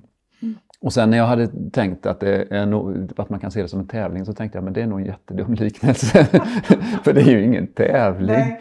Det är verkligen inte det. Det är ingen lagsport som jag tänkte också, så här, klimatkamp är en lagsport. Nej, det är ingen sport eller en tävling utan det är liksom det, det är något annat. Det, det, Nej, men just, nej, för hjälte är ju ofta en ensam person, ja. tänker jag. Och det, ju, det vill vi ju inte ha. Vi vill ju inte ha ensamma klimathjältar. Vi vill ha klimathjältar som jobbar tillsammans och som ja. du säger är, är många. Uh, och att man kan förlita sig på att om jag backar ett steg så är det någon annan som kan dra ett tag och, mm. uh, och så. Ja. Uh. ja, för den hjälten som inte någonsin vilar Ehm, jag, håller på, jag håller på att läsa en bok som heter Kirke, en skönlitterär bok av Madeleine Miller som jag har blivit rekommenderad eh, av min fru. Eh, och det, det är Odysseus. Eh, kommer till eh, eh, trollkvinnan Kirke på ön efter att ha varit på väg hem i tio år från kriget och stött på det ena eländet efter det andra. Men då är han kvar på ön en, ett, ett år tror jag nästan. Alltså även Odysseus behövde stanna och vila och det gjorde han där. Sen, sen åkte han vidare igen eh, och blev så småningom ihjälslagen. Men ja. Eh, så att hjältar får, får, får vila, tycker jag. Också. Ja, så vi kanske har en liksom lite felaktig bild av vad en hjälte egentligen är. Vi är påverkade av ja, filmer från Hollywood och sådär. Den mm. ensamma Lonely Rider som ja. Eh, rider bort i solnedgången. Ja. När, bort mot solnedgången är det färdigt. Men det här blir ju aldrig färdigt Nej, heller. De biologiska och ekologiska kriserna och klimatet, de blir ju inte, blir inte färdiga. Någon måste hålla på hela tiden och liksom hålla emot och kämpa emot. Ja. ja. Nej, och sen tänkte jag också på det här du sa, det är ju ingen tävling och det, därför har jag ju också ganska medvetet valt att inte så här, nu ska vi utne, utnämna liksom en klimathjälte eller tre utan äh, men nu, det blir hundra klimathjältar och det finns såklart många, många fler.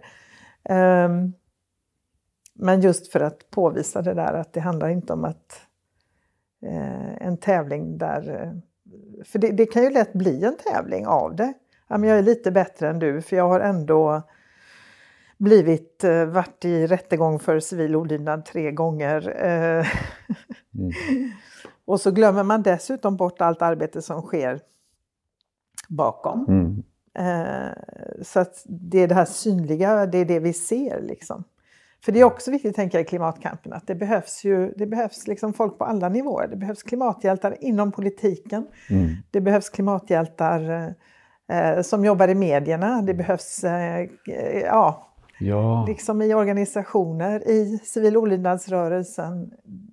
Det behövs liksom överallt. Ja, vad bra att du sa det här med politik politiken också, för jag håller precis på att läsa Isabella Lövins bok igen.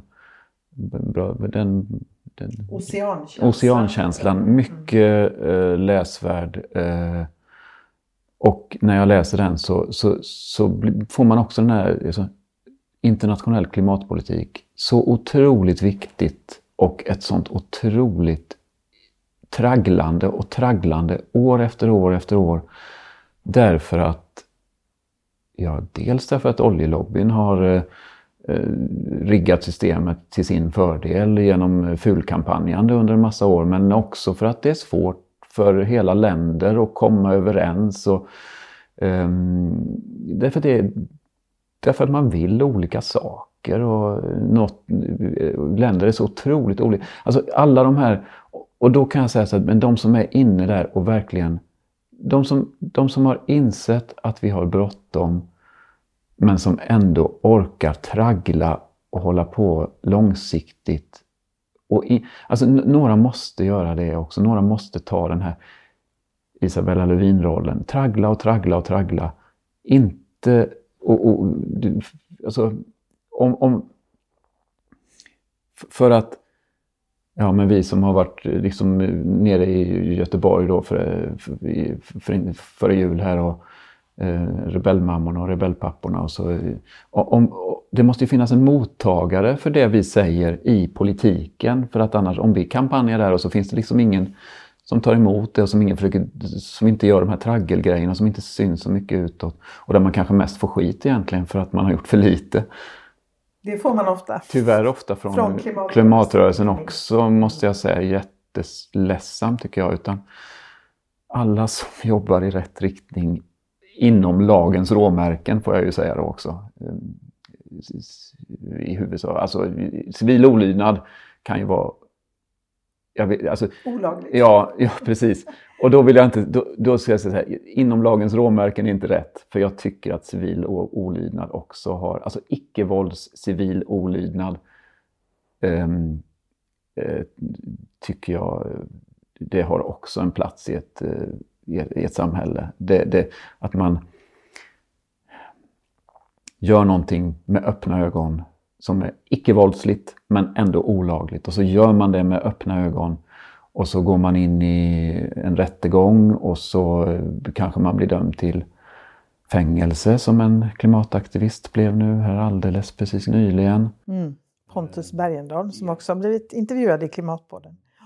Eh, inom, hela, inom hela det spektret, de som...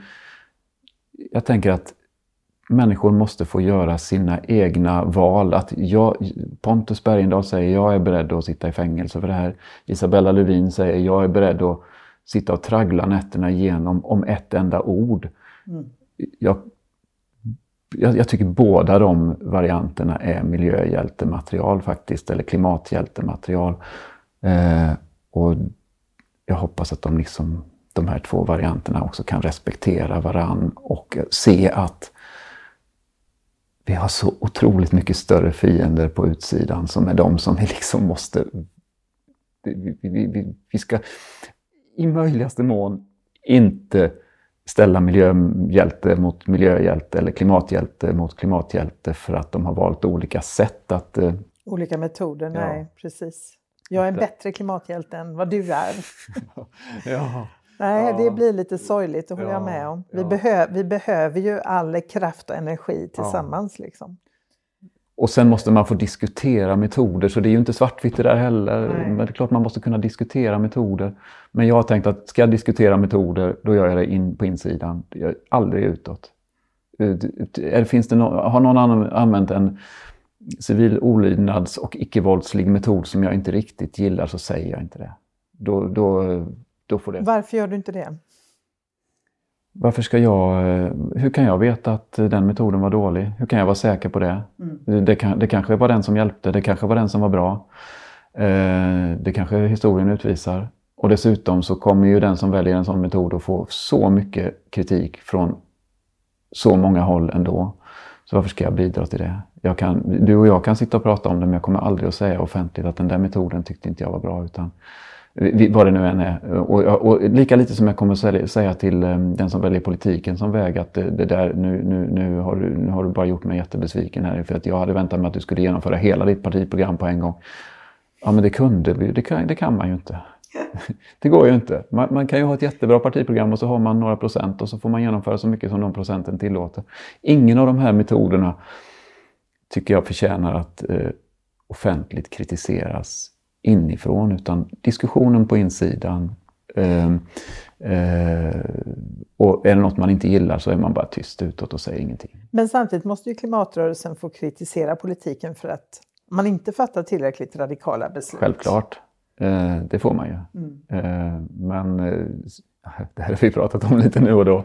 Jag tycker ju att man ska kritisera de delarna av politiken som inte ens har viljan. Mm. Eh, och, eller som eh, gör som, som säger att de har viljan, för alla säger ju att de har viljan ofta. Sådär, nästan alla, inte alla, men nästan alla i den svenska politiken säger att de tycker att frågan är viktig.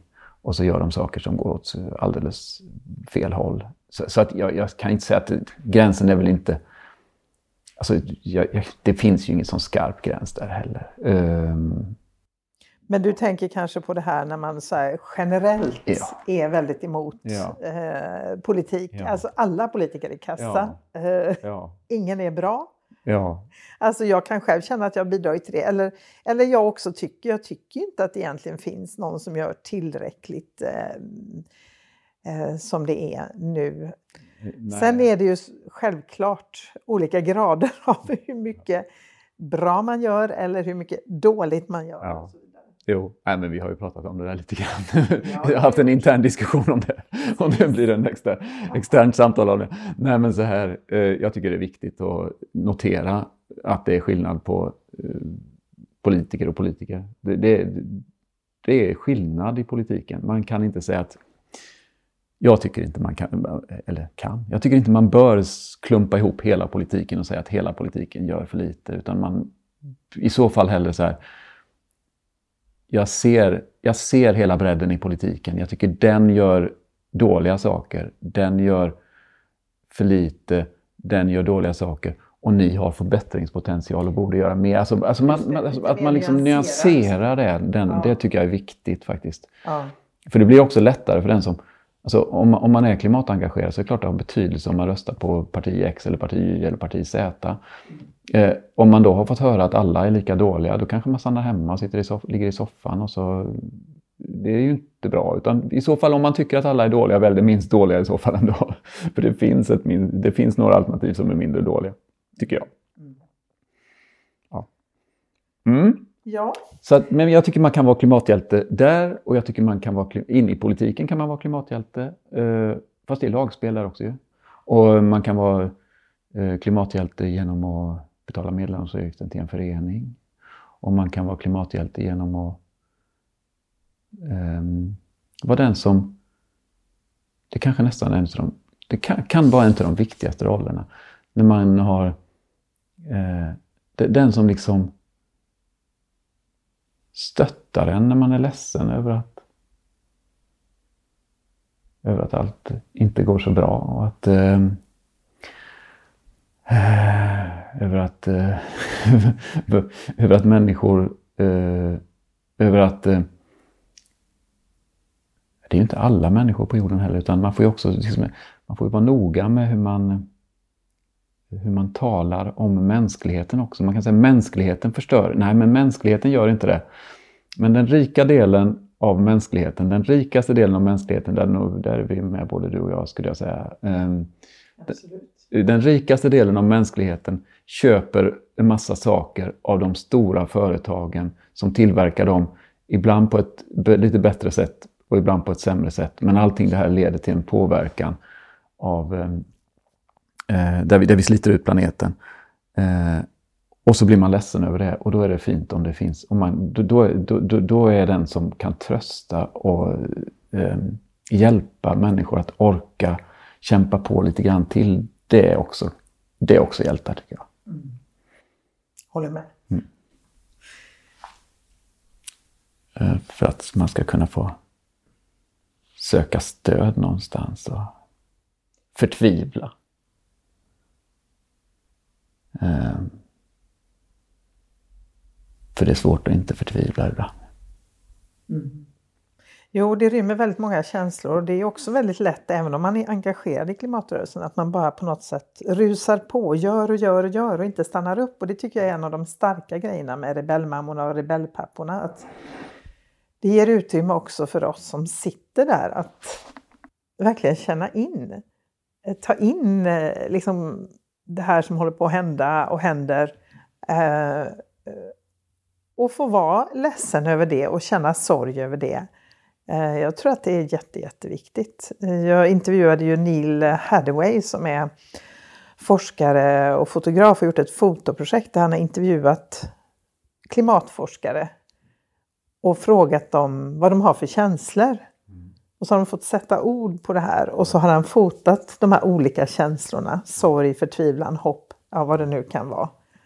Och ja, det var väldigt eh, fint tycker jag att höra just det där, för det är klart man påverkas om man håller på och forskar om det här varje dag. Man är ju en människa. Ja, det är ju så här att eh, för, eh, jag kommer inte ihåg exakt när, men det är ett bra tag sedan, så föreslog du att nej men borde inte jag intervjua dig i podden Ragnhild? Och jag tyckte ja, ja, men det är inte jag som är intressant. Men nu kändes det som ett liksom bra läge mm. när det är det hundrade avsnittet. Ja. Och det är alltid svårt, det är mycket lättare att prata när någon ställer frågor till en. Så eh, nu tänkte jag att du ska få mm. ställa lite frågor. Ja, nej men då byter, vi, då byter vi plats faktiskt. Det här är spännande. Eller hur? Nu byter vi plats. Nu blir jag eh, reporten eller programledaren eller poddprogramledaren eller vad man vill nu kalla det för. Eh, och säger eh, välkomna till Klimatpodden. Eh, jag heter Kenneth Ölund och jag ska eh, eh, idag samtala med Ragnhild Larsson eh, som bland många andra saker eh, är klimataktivist och klimataktivist i Extinction Rebellion eh, sedan ett par år tillbaka. Och jag ställer samma fråga, eller ungefär samma fråga som du brukar göra. Vem är du? Vad är du? Vem, vem? Hjälp vilken svår fråga! Ja. Vem är jag? Jag är en 60 plus, 62 för att vara exakt, 62-årig Ehm, kvinna som bor i eh, Göteborg. Jag eh, är, eh, ja, har jobbat egentligen frilansat hela mitt yrkesliv som journalist. Också jobbat som kommunikatör och jag ehm, Ja, alltså jag har väl egentligen alltid varit intresserad av miljöfrågor och hållbarhet framför allt. Och så började jag då göra Klimatpodden för hösten 2015 kom det första avsnittet då. Eh, och så har jag tre vuxna barn. Mm. Det var lite kort. Ja, eh, jag vet inte vad jag mer ska och säga. det är så svårt när man får den där frågan, vad ska jag välja? Jag, jag är, för man tänker att här, jag, är, jag är ju en massa olika personer för olika personer och ibland när jag vaknar så känner jag mig som något annat än vad jag gjorde igår.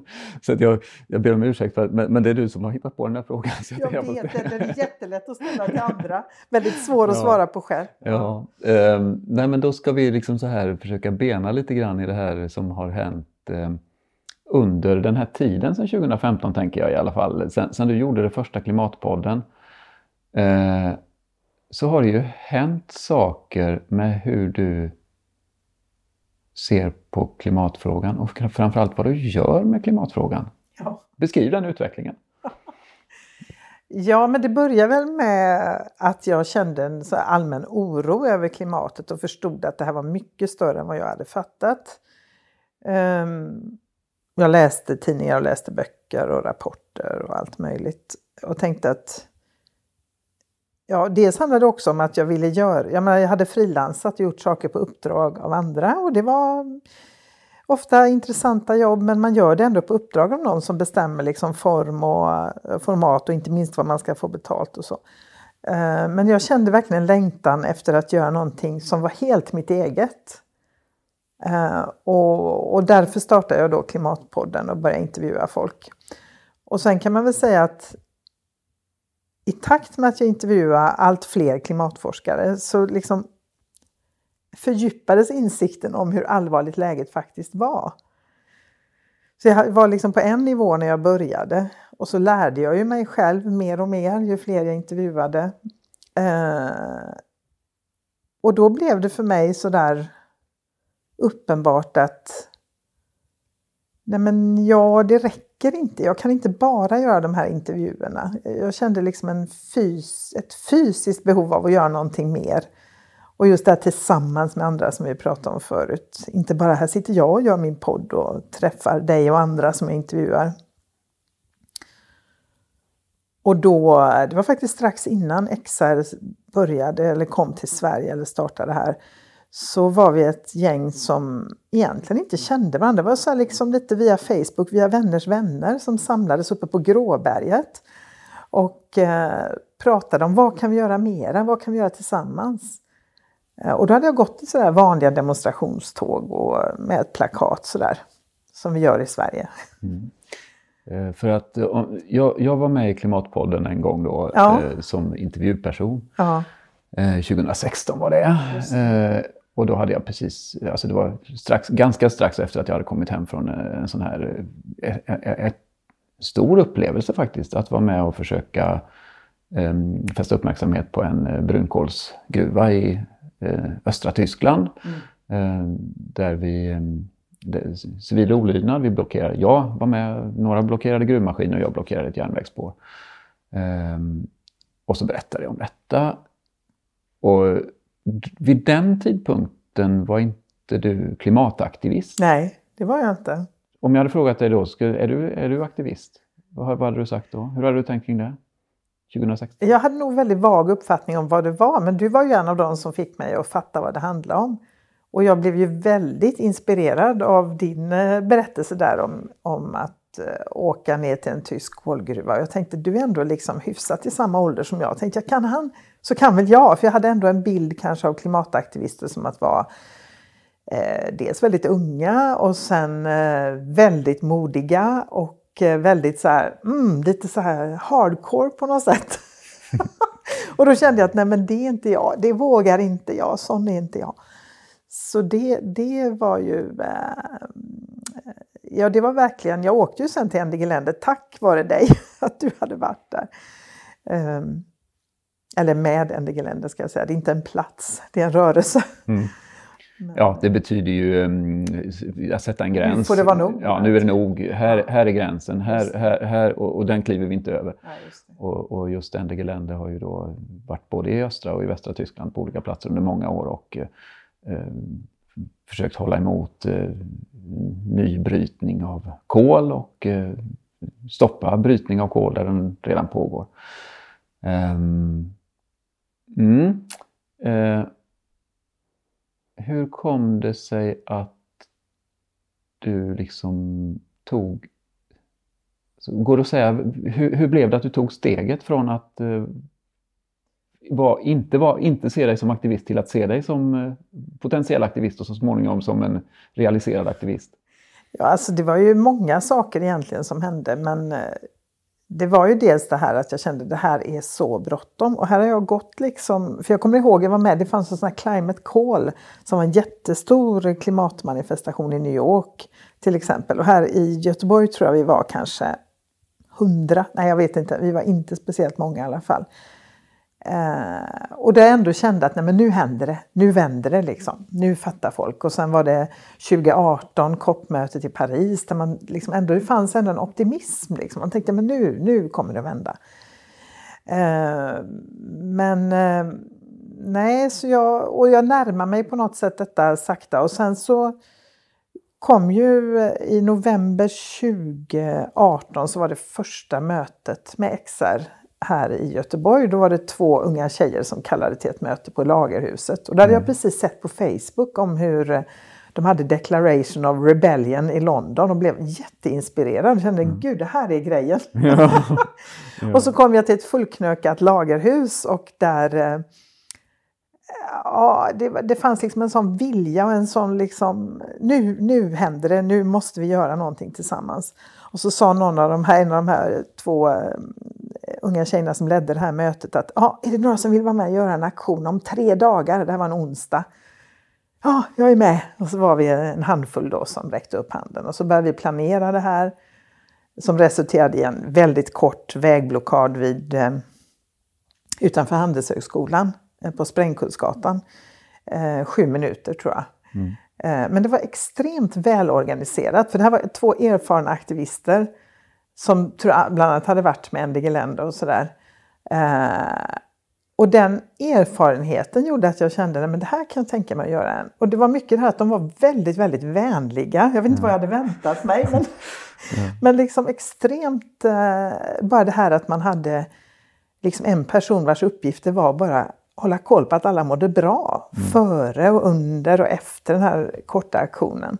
Ja. Eh, så det, så det, det var liksom en sån upplevelse där jag kände det här vill jag göra igen. Ja, men blockera en väg, det får man ju inte. Nej, jag vet. Det är inte tillåtet. Jag vet. Och jag vågade inte stå i vägen då ska jag säga. Jag var med och delade ut kakor. Det var ja. så långt jag vågade sträcka mig då.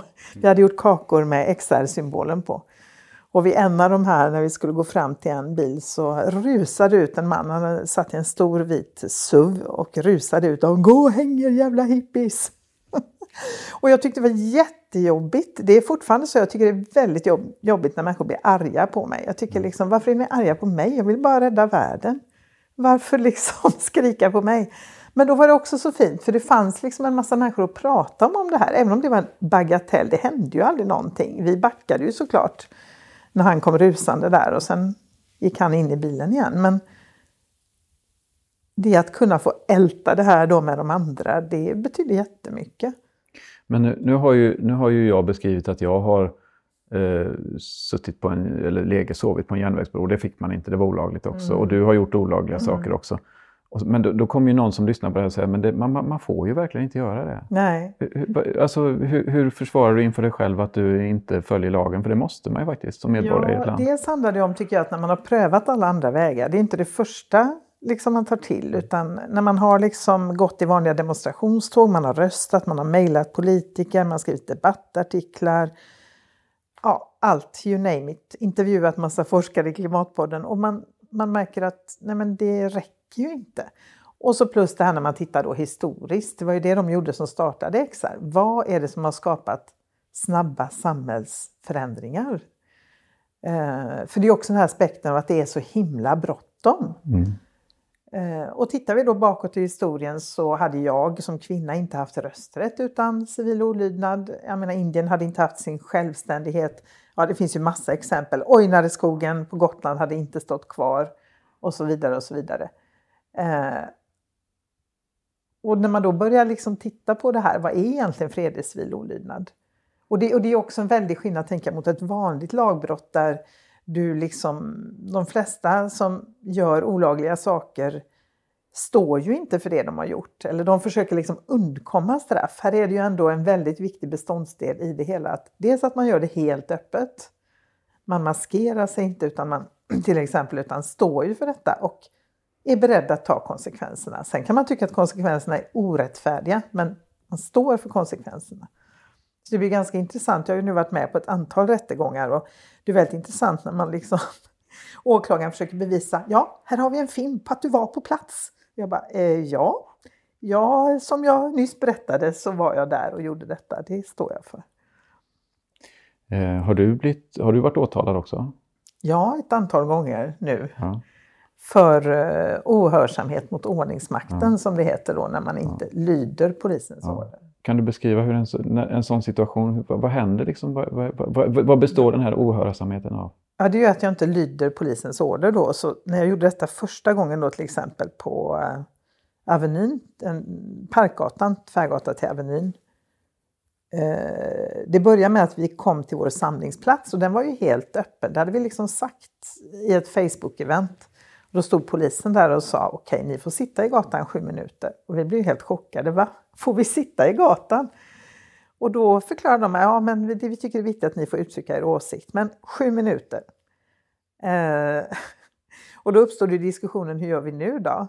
Och då var det några som bestämde sig för att nej, men vi kommer att sitta kvar även efter de här sju minuterna då. Och då gick ju polisen fram till, och jag hade verkligen inte bestämt mig på vägen dit, ska jag göra det? Men när jag väl på plats så var det bara så här, nej men nu, nu känner jag mig redo för detta. Eh, och jag har aldrig känt mig så övertygad nästan om någonting i hela mitt liv som att nej, jag känner att det här är helt rätt. Jag står till 100 procent för att jag sitter på den här gatan nu. Eh, och polisen kom fram och frågade Ja, du kan följa med här nu. Du gör dig inte skyldig till något brott. Om du sitter kvar gör du dig skyldig till ohörsamhet mot ordningsmakten. Okej, okay, jag sitter kvar. Och det gick väldigt lugnt liksom tillväga. Eh, och då satt jag kvar och blev bortburen av två poliser då. Och så tog de mina uppgifter. Och vi var ju flera, vi kanske var ett 30-tal, jag kommer inte ihåg exakt hur många, men någonstans där. Eh, och sen blev vi då kallade till förhör. Och så småningom blev det rättegång, men det dröjde ju nästan två år. Gränsen för att det ska bli preskriberat tror jag går vid två år. Eh, så det dröjde nästan två år innan det faktiskt blev rättegång. Så då hade man ganska lång tid på sig att förbereda sig också för, för rättegången. Mm. Eh, nu är ju det här är också en sån här sak. Vi är ju båda överens om klimatfrågans absoluta brådska och enorma vikt. Men man kan ju också tänka sig att eh, en annan rörelse med, med någonting som du och jag skulle se som extremt misstänksamma och obehagliga syften eh, eh också tar till civil olydnad och också sitter i vägen och också, alltså, finns det någon, hur skiljer man, hur skiljer man på det som är, hur skiljer man på god och dålig civil olydnad? Kan man det? Ja, det är en jättebra fråga. Men, och den dyker ju ganska ofta upp. Och jag vet inte, jag kan inte komma på något liksom exempel där någon i mina ögon onda syften har gjort civil olydnad. Det kanske finns, eh, jag vet inte om du kommer på något, men alltså det kräver ju ändå en ganska stor uppoffring. Man är beredd liksom att ta böter, man är beredd att eventuellt ta ett fängelsestraff. Och då tänker jag, för det första, ja man gör väl inte det om det inte är någonting man faktiskt känner sig övertygad om att det här är, det här är så viktigt för mig att jag är beredd att uppoffra saker, jag är beredd att gå utanför min eh, komfortzon ganska mycket. Um, ja, så jag har nog inte, jag kan liksom inte jag kommer inte riktigt på något sånt exempel där någon har sagt, jag, kan, jag vet inte riktigt vad skulle det kunna vara för någonting. Och det ska ju heller inte vara för egen vinning, tänker jag. Det ska inte vara liksom, ja det kan man ju säga, jag vinner ju på om klimatet och mina barn och barnbarn eventuellt och kommande generationer vinner ju på om vi får ett, eh, inte förstör klimatet eh, såklart. Så. Ja, eh, nej, eh, men, men, man skulle till exempel kunna tänka sig ehm, eh, anti-abortdemonstranter som gör eh, mm. civil olydnad. Mm. Eh, och som eh, eh, tycker att det är så viktigt att eh, begränsa kvinnors möjlighet att själva bestämma över sin egen kropp och sin egen framtid. Mm. Så att de vill eh, ta detta från kvinnorna och kampanja då med olagliga medel. Det, det, skulle liksom kunna vara, det skulle kunna vara en, en slags civil olydnad som jag, där jag inte kan ställa upp på målet helt enkelt. Fel mål. Mm. Eh, men i övrigt så skulle ju liksom kanske... Eh, så, så, så, så frågan är det, liksom, ja. Jag, och jag har ju inget svar på detta heller utan jag, jag, jag, jag tänker bara att det, det, finns, det, finns, det, det kan finnas civil olydnad med olika mål. Um, och det får man bara leva med och ta. Och, det liksom, och så får man ställa sig bakom det man själv tror på. Och det andra får man uh, säga att med det här målet, det ställer jag inte upp på det målet. Så det tycker jag inte ni ska hålla på med. Och sen får det liksom vara så. Så får rättssystemet sköta resten. Ja, ja. Uh, så, så att någon, något, något svar på... när är det rätt? Och när är det fel? Mm. Det, det, det, finns ju inget. Nej, jag, jag tror tänker, det finns. Folk röstar ju, vi har rösträtt. Mm. Vi liksom, folk röstar på jättekonstiga partier. ja. ja. Uh, ja. Men jag ser det i alla fall, civil olydnad ser jag ändå som en eh, viktig del av en levande demokrati och, och också en säkerhetsventil. För jag, jag är väldigt rädd för att i takt med att klimatkrisen eskalerar och politikerna kanske inte agerar så mycket som krävs så jag är rädd för att det kommer, kommer att komma människor som tar till våld. Alltså på riktigt spränger saker eller eh, ja, alltså där det blir våld. Ja, det är jag jätterädd för också. Och då faktiskt. tänker jag att fredlig civil olydnad är en viktig ventil liksom, mm. som man faktiskt bör vara rädd om. Ja. Och plus det här att i diktaturer dödas ju klimataktivister. Så mm. att, vill vi vara en diktatur eller vill vi vara en demokrati?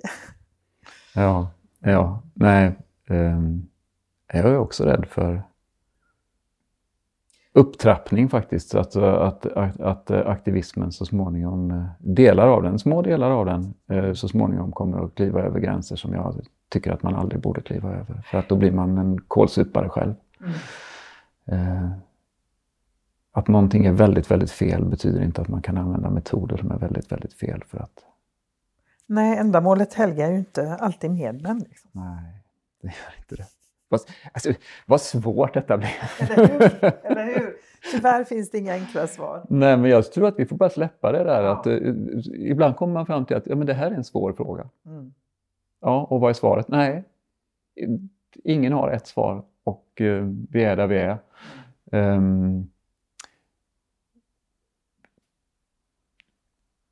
hur, ehm, hur orkar man vara aktivist och hur kan man vara aktivist som eh, är med på Extinction Rebellions eh, aktiviteter och hamnar i, i rättssystemet? Hur, hur kan man det och hur orkar man det och hur gör man för att det liksom ska bli hållbart? för dig så att du liksom mm. orkar hänga ja, Det är ju en jättebra fråga och det går ju verkligen, orken går ju liksom upp och ner. Och... Men det är också väldigt svårt att backa tycker jag. När man väl har tagit det här steget så är det jättesvårt att bara säga äh, men nu vänder jag bort blicken och struntar i det här. Men däremot tror jag att det är jätteviktigt att man då och då tar ett steg tillbaka och inte blundar men kanske är mindre aktiv en period. Därför att det är slitsamt. Samtidigt ger det också energi och kraft att göra allt det här med en massa bra människor som vill samma sak. Men visst blir man, och jag menar pandemin var ju, det la ju verkligen en blöt våt filt över allting. Plötsligt kunde vi inte vara ute på gatorna. Plötsligt skulle vi sitta på Zoom och ha möten. Det var liksom inte riktigt samma grej. Mm. Och, eh, och folk kommer och folk försvinner och sådär. Och det är väldigt lätt att känna att jag gör inte tillräckligt. Jag borde göra mycket, mycket mer. Men där är jag också lite rädd för att det blir en sån här, vad ska jag säga, någon sorts offermentalitet nästan. Titta här vad jag har uppoffrat. Jag har sagt upp mig från jobbet. Jag gör det här på heltid. Jag... Och jag tänker det kan man aldrig kräva av någon annan människa. Alltså om någon vill göra detta, men jag, jag kan aldrig liksom säga till dig så här, nej men nu, va? Har du, jobbar du nu med ett vanligt jobb? Nej, men säg upp dig från mm. jobbet. Ja, fast jag har ju lite räkningar jag behöver betala eller jag har barn jag behöver försörja. Eller, mm eh, och vi är alla liksom inlåsta i det här fossilsamhället på olika nivåer så det är väldigt svårt att frigöra sig från det. Men det är, också, det är också lätt att känna, som jag också tycker är svårt, samtidigt som man då ska kunna ta ett steg tillbaka och jag tycker också det är viktigt att jag träffar andra som kanske inte är med i klimatrörelsen. Jag är med i en bokklubb pratar om andra grejer. och det är inte heller så att bara för att jag träffar mina aktivistvänner så är det enda vi pratar om är klimat. Så är det ju inte. Men det sköna är att man ändå vet att vi delar det här. Ja, men jag kan bara haka på och säga att visst är det skönt att träffa, att finnas i en grupp där man vet att de andra har fattat att vi Exakt. är inne i en akut ekologisk Exakt. kris. Ja. Uh, uh, eller i många ekologiska kriser, där klimatkrisen är en utav dem, det är ju jättevilsamt. Ja. Um, det, alltså, det här att vara ute i, ska vi säga det vanliga samhället. Um, ja, två Men, världar. Ja, det är ju två världar och det är ju smått absurt liksom ibland. Så, så jag håller med dig, man delar den här eh, samma förståelse och ett tag var jag väl så här, jag liksom delar in mänskligheten nästan, okej, okay, de har fattat, Okej, okay, de har inte fattat. Um, men det blir ju, och man orkar inte heller alltid ta striden liksom, att börja prata med någon som säger nej men nu har jag bokat en resa till Thailand. Jag råkar ju väldigt ofta ut för att folk kommer och ber om ursäkt. Jag träffade en avlägsen bekant i eh, mataffären häromdagen som jag inte har sett på jättelänge. Och så började vi prata lite så, nej men jag ser vad du gör, det är ju fantastiskt ja, jag måste bara säga att jag måste flyga till Bryssel nu för eh, mina barnbarn bor där och, eh, ja. och liksom varför ber hon mig om ursäkt? Det är som att, ska jag ge henne liksom min absolution? Det är okej, okay, du är förlåten. Ja. Eh, nej men det är väldigt märkligt vilken inverkan man har på människor ibland. Ja. Men jag tror att det är viktigt. För mig liksom är det det här att vara ute i naturen, det är viktigt. Eh, det ger mig kraft och energi. Eh, och jag har haft som någon sån här liksom vision av det här året att jag ska tillbringa mer tid i skogen. Nu har det varit två gånger i så här aktivistsammanhang ändå. Mm, ja. Men med skogsbiologer som har visat oss runt och sådär. Och där, där mår jag liksom bra, där känner jag att jag tankar energi. Um, men så det, det, är liksom, jag tycker det här att vara klimataktivist eller engagerad i klimatrörelsen, det innebär att det är så himla mycket olika känslor. Det är liksom ilska, det är sorg, det är någon sorts uppgivenhet. Är också, men man får också glädje och energi av att jobba ihop och känna att Nej, men jag gör i alla fall vad jag kan. Och jag har ju mött så många som liksom har suttit ensamma med sin oro och sin ångest över vad som händer. Och som känner en sån lättnad över att ändå göra saker tillsammans med andra. Mm. Ja, um, ja men jag tror att det är viktigt det du säger är att man uh, man får vara aktivist på många, många olika sätt och ingen kan se riktigt in i en annan människas hjärta och säga att du borde säga upp dig från ditt jobb eller du borde göra så. Jag tänker så här att um, den som har möjlighet att leva som aktivist och få ihop tillräckligt för att uh, de räkningarna man har ska kunna betalas uh, och orkar hålla igång det, ja men då får de väl göra det. Jag kommer inte att säga upp mig från mitt jobb, det finns inte på kartan, jag kan inte det. Hur ska jag kunna vara i det här samhället och, och vara uppsagd från jobbet och inte ha ett... Ska, jag, det går inte. Och jag har också så här, under den här perioden då när, när jag var med i Klimatpodden 2016 så måste jag i efterhand säga att eh, jag gjorde inte det så bra. Jag var inte den jag borde ha varit för min familj. Uh, av, för att jag valde, det är ju det är jättejobbigt att säga, men jag valde bort dem. Jag tänkte inte så då och jag trodde kanske inte att jag gjorde det. Jag trodde att jag valde till dem för att det var deras framtid och det är det ju fortfarande. Det är fortfarande barnens framtid. Men man måste ju man måste ju också tänka på hur det är i stunden. Mina barn är här nu. Just det. Och de är små nu eller ja. ja behöver mig nu. Ja, och eh, då, så, så, att jag... För mig var inte det hållbar aktivism. Jag var tvungen att ta ett, och två, och tre och många steg tillbaka och fundera på om jag skulle fortsätta hålla på och vad jag ska göra istället. Jag är jätteglad att jag gjorde det jag gjorde på ett vis, men jag är också väldigt ledsen över att jag gjorde det på det sättet. Mm. Eh, så det här är ju inte enkelt. Nej. Nej men det är ju inte det. Jag tänker lite på de här missionärsbarnen. Mm. När föräldrarna åkte iväg till något afrikanskt land någonstans. Ja. och så var barnen hemma. Och så skulle de rädda, hjälpa andra barn. Men deras egna barn då? Alltså ja. det är lite så. Ja. Och det är som du säger, man kan inte bortse från eh, verkligheten här och nu. Nej. Och man kan aldrig heller döma någon annan och säga du borde.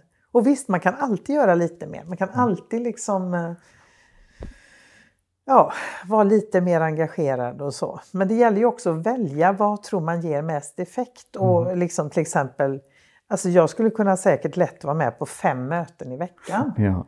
Det går ju inte. Alltså jag går ju sönder då, speciellt om de ska vara på Zoom för det är fruktansvärt ja. eh, energikrävande på något sätt. Och då gäller det liksom att sätta upp de där gränserna för sig själv. Eller att man har vänner som säger men koppla ja. av, gör något annat ett tag. Ja. Men så får man ju också bekräftelse när man engagerar sig och när man gör saker. Eh, så, och det är därför vi behöver vara många också, tänker jag. Så att det är många som delar på detta. Att man, det finns utrymme att göra annat. För annars kan man ju känna att nej, men allt hänger på oss tio här nu. Att vi ska fixa det här. Och det kommer ju aldrig att gå. Mm. Jag har nog också varit mycket, som du, hon som nu behövde flyga till Bryssel tyckte hon, jag har nog också varit väldigt dömande genom åren. Jag försöker bara komma, jag försöker, jag försöker så mycket låta bli det för att och det lyckas ju inte hela tiden. men, men, så här, eh, om man har familj långt bort så har man ju det. Mm. Ska man inte träffa dem då för att, ah, ja, ja, ja, alltså man är ju också så här, den som har, den som har levt... Alltså, hela systemet är byggt på att man ska få göra de här sakerna som är lagliga och som man har råd att göra. Och en sak och, och då har jag liksom så här, ja, ut och res, gör det här, åk långt bort. Och, man har, och, och, och, genom en massa år har liksom budskapet till, har du råd, åk till, liksom ut i världen och se världen och upplev världen. Och så har man tagit vara på den möjligheten och så har man träffat någon långt borta som man bildar familj med därför att man följde liksom samhällets normer och sen ska man liksom, ja men nu får du i efterhand inte göra det. Jag, jag, jag, jag, tycker det, jag fattar ju att det, det, är, det är helt ohållbart. Och vi, mänskligheten borde inte ha tagit sig den friheten, men den gjorde det. Och nu är vi där. Ja, vad gör man då? Mm. Ska man säga till den som har följt eh, samhällets stora normer och blivit kär jättelångt bort. Sluta med det. Sluta med det. Nej, det är ju väldigt svårt. hur, hur alltså du, som jag tolkar dig nu när du berättar om det för en stund sedan så har du liksom läst, gått från en nivå där du trodde att du kanske hade koll. Det här är samma väg som jag har tagit för övrigt. Så att det liksom inte, eh, och sen läst på och läst på och läst på och så fattar man plötsligt så här som en, en dag som att jag, men herregud, det här är på riktigt. Det här är på allvar. Det här är liksom, det här är liksom ingenting som går att skoja bort och säga att det löser sig eh, nog. Eh, utan här måste jag faktiskt kavla i upp ärmarna och hugga i. Kunskapens väg kan jag kalla det ibland, det här att man liksom läser på. Um, och sen är det många som säger att men den vägen funkar inte man måste tala till känslorna. Och, och så, hur, hur, tänker du, liksom, hur, hur når man, hur hjälper man andra än sig själv till insikt? Um, det är jättesvårt tycker jag, för att jag tror inte heller att enbart fakta räcker, för då hade vi inte varit där vi är idag. Och jag måste ständigt liksom påminna mig själv om, är det här på riktigt? Eftersom samhället på något sätt fortsätter med business as usual och människor lever ungefär som de har gjort förut här i Sverige. Så blir det som att, nej men är det här på riktigt eller är det jag som är knäpp? Alltså har jag, liksom, har jag missförstått det här? Och så får man läsa de här siffrorna igen eller vad det är, eller en forskarrapport eller höra en forskare som Johan Rockström eller Kevin Anderson eller någon uttala sig. Jo, det är faktiskt på riktigt. Det är, det är en väldigt så stark overklighetskänsla. Men, eh, nej, men jag tror mycket på det här vi pratade om förut med att vi behöver berättelser. Vi behöver dels berättelser tror jag om vad händer här? Vad händer här i Sverige? Hur, hur, kommer, hur påverkas jag? Hur påverkas eh, ja, min omgivning? Dels det och sen berättelser om vart vi är på väg. För annars lämnar man ju människor i någon sorts... Eh, det är en ganska jobbig plats att vara på. Man bara säger allt går åt skogen. Och så vet man inte riktigt hur och det är bara en stor ångestklump. Liksom. Ja. Eh, och så tittar man ut och ser, nej men nej, det verkar inte vara så farligt ändå. Det ser ut. Ja, det är lite som det brukar vara i Göteborg, grått och regnigt. Mm. Men, eh, men så jag, jag, tror att det behövs, och Peter Alestig till exempel skrev ju en bok nu som jag just nu inte kommer ihåg namnet på, men där han ju beskrev liksom vad hände med, med matförsörjningen hur, hur, och, så, och vad händer med oväder och ja, han gick igenom flera olika områden. Så här, det blir väldigt konkret och målar liksom upp scener av ja, jag går till mataffären och där finns inget kaffe och eh, ja, hittar någon som har tagit det sista paketet eller ja, det är liksom matbrist men ändå på någon sorts, icke kanske svältnivå men ändå. Eh, så jag, jag, tror liksom, eller det här med som också blir väldigt påtagligt att eh, nej men om jag bosätter mig i ett område där det är väldigt stor risk för skyfall så kommer försäkringsbolaget inte vilja försäkra mitt hus. Mitt hus blir osäljbart. Det blir väldigt så konkret. Det drabbar mig, det drabbar min ekonomi. Så jag tror, och sjukdomar som kan drabbas och sådär. Så att vi behöver mer av det. Men, och så tror jag vi behöver de här vardagliga samtalen och kanske liksom och istället för att säga du är en idiot som flyger så kan man säga nej men jag tog tåget till London, så här var det. Mm. Jag skrev det på Facebook för flera år sedan när jag liksom hade, kan man säga, lyxen, förmånen att kunna ta tåget för det är dyrt. Ja. det tar mycket längre tid. Ja. Eh, men då tänkte jag så här, och så skrev jag liksom så här, jag, tog, jag är nog galen, men jag tog tåget till London. Gick det bra? Och så beskrev jag liksom resan. Jag fick jättemycket reaktioner på det. Mm. Eh, och någon som sa, men jag har fått mitt eh, jobb nu att vi ska åka till Italien och nu har vi bestämt att vi ska ta tåget. Och det känns ju bra, då har man påverkat någon eh, lite grann i alla fall. Eh.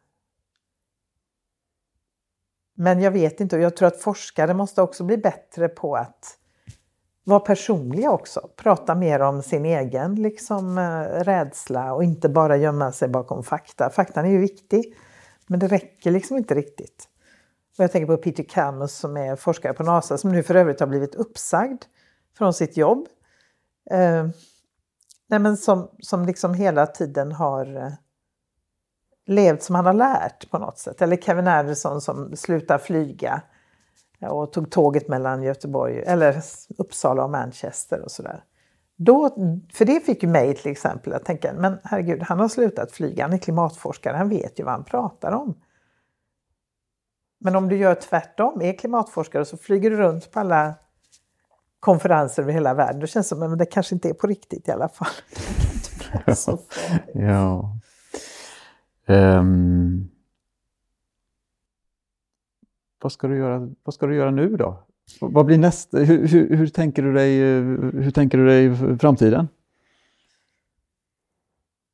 Ja, jag kommer ju inte sluta vara aktivist för det är väldigt svårt att sluta med det. Alltså det, det jag kan inte det. Men, och det är ju som du sa förut, det är inte så att aha, nu har vi fixat problemet, nu går vi vidare till nästa grej. Jag önskar att det vore så. Man kunde säga om ett år är det klart.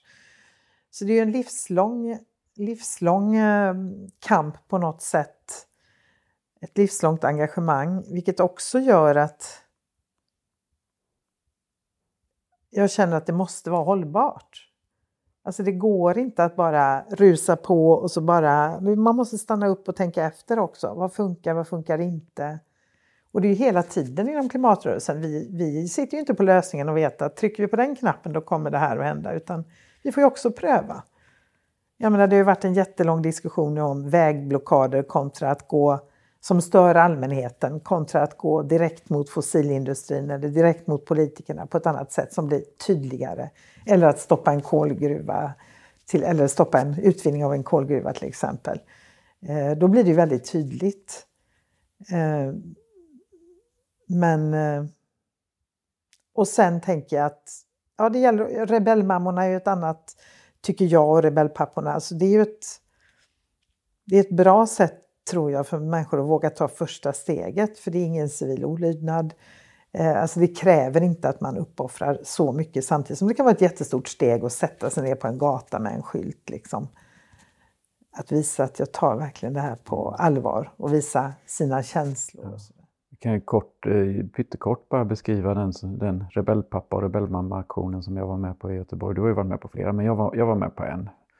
Uh, och då var det lite kallt väder så vi stod ju i en ring med uh, skyltar. Just det, var för kallt för ja, att sitta Ja, ner. det var lite sådär. Så stod vi i en ring i en gatukorsning här nere i centrala Göteborg, eller flera gatukorsningar.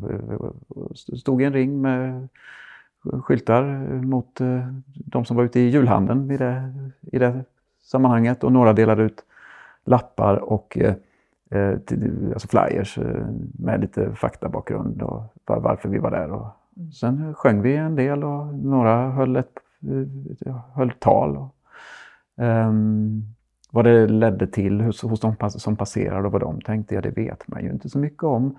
Um, men uh, jag skulle säga att det där skulle nästan de flesta kunna, alltså tycker man det är viktigt så är det ju så, så, så, skulle jag säga att men då ska man nog kunna komma och hälsa på och, och fråga, och liksom så här, alltså komma med på något litet... Om man liksom så här känner att ja, men jag, jag borde nog ändå, så kan man väl liksom titta förbi och snacka lite och kanske... För, för att det, det känns ju inte som att det är ett jättes... Det, det, det, känns som en bra, det känns som en, liksom ett bra för första ganska litet steg in där man gör saker tillsammans och där man inte är jättesynlig själv. och så där. Nej. Nej, precis, man gör det tillsammans. Och det är skönt att hitta det här sammanhanget med andra som också engagerat sig liksom på olika sätt. Så det tror jag. För jag tror också att många... Alltså bara namnet Extinction Rebellion får ju en del att bara säga, ah, va? Vad är det för någonting? Det låter lite läskigt liksom. Mm. Um, men, och, och jag, jag, tror det viktiga är att inte liksom tro att det finns ett sätt att lösa klimatkrisen på utan det finns många sätt och det måste vara många sätt. Vi behöver liksom göra på tusen olika sätt.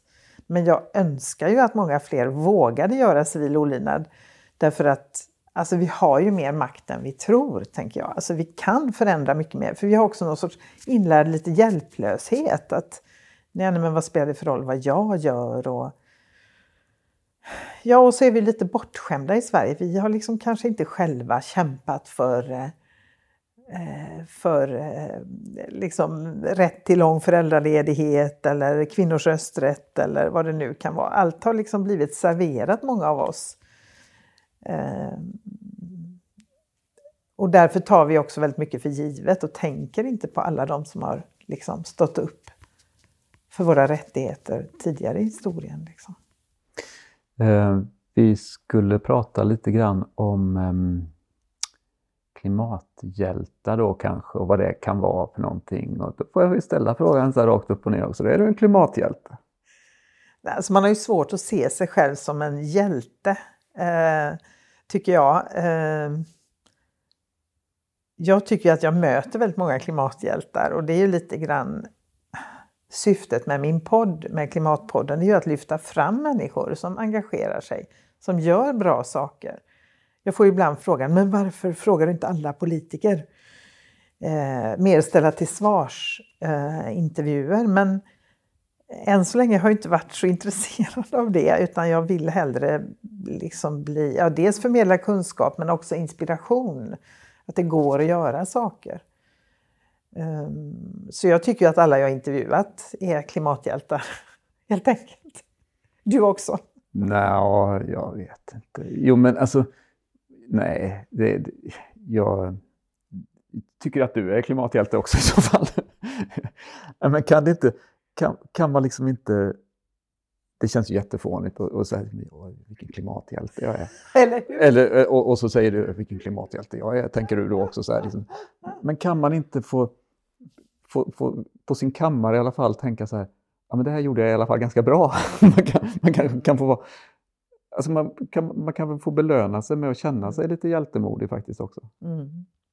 Göra, göra så gott, vi gör så gott vi kan, tänker jag, och att det är viktigt att vi eh, uppmuntrar varandra. Alltså det här klassiska att det är lätt att säga när någon gör fel men vi kanske ska bli lite bättre på att säga Gud vad bra det där var, tack för att du gjorde det. Eh, oavsett om man kallar den andra för en hjälte eller inte tänker jag så finns det ju väldigt många människor som kämpar och det är viktigt att få syn på alla, alla som gör det, tänker jag, så att vi hittar varandra också. Mm. Ja men då vill jag säga så här, Eh, jag tycker att du är en klimathjälte. Jag tycker att människor gott kan ha eh, det som du gör som förebild. Eh, och ehm, Eh, om man skulle vilja liksom... Så här, när jag kommer till... Jag är ganska, jag är, man kan inte tro det, för jag babblar väldigt mycket, men jag är ganska framförallt har varit ganska blyg, ganska tillbakadragen, ganska så här som att jag kommer till ett sällskap där människor känner varann.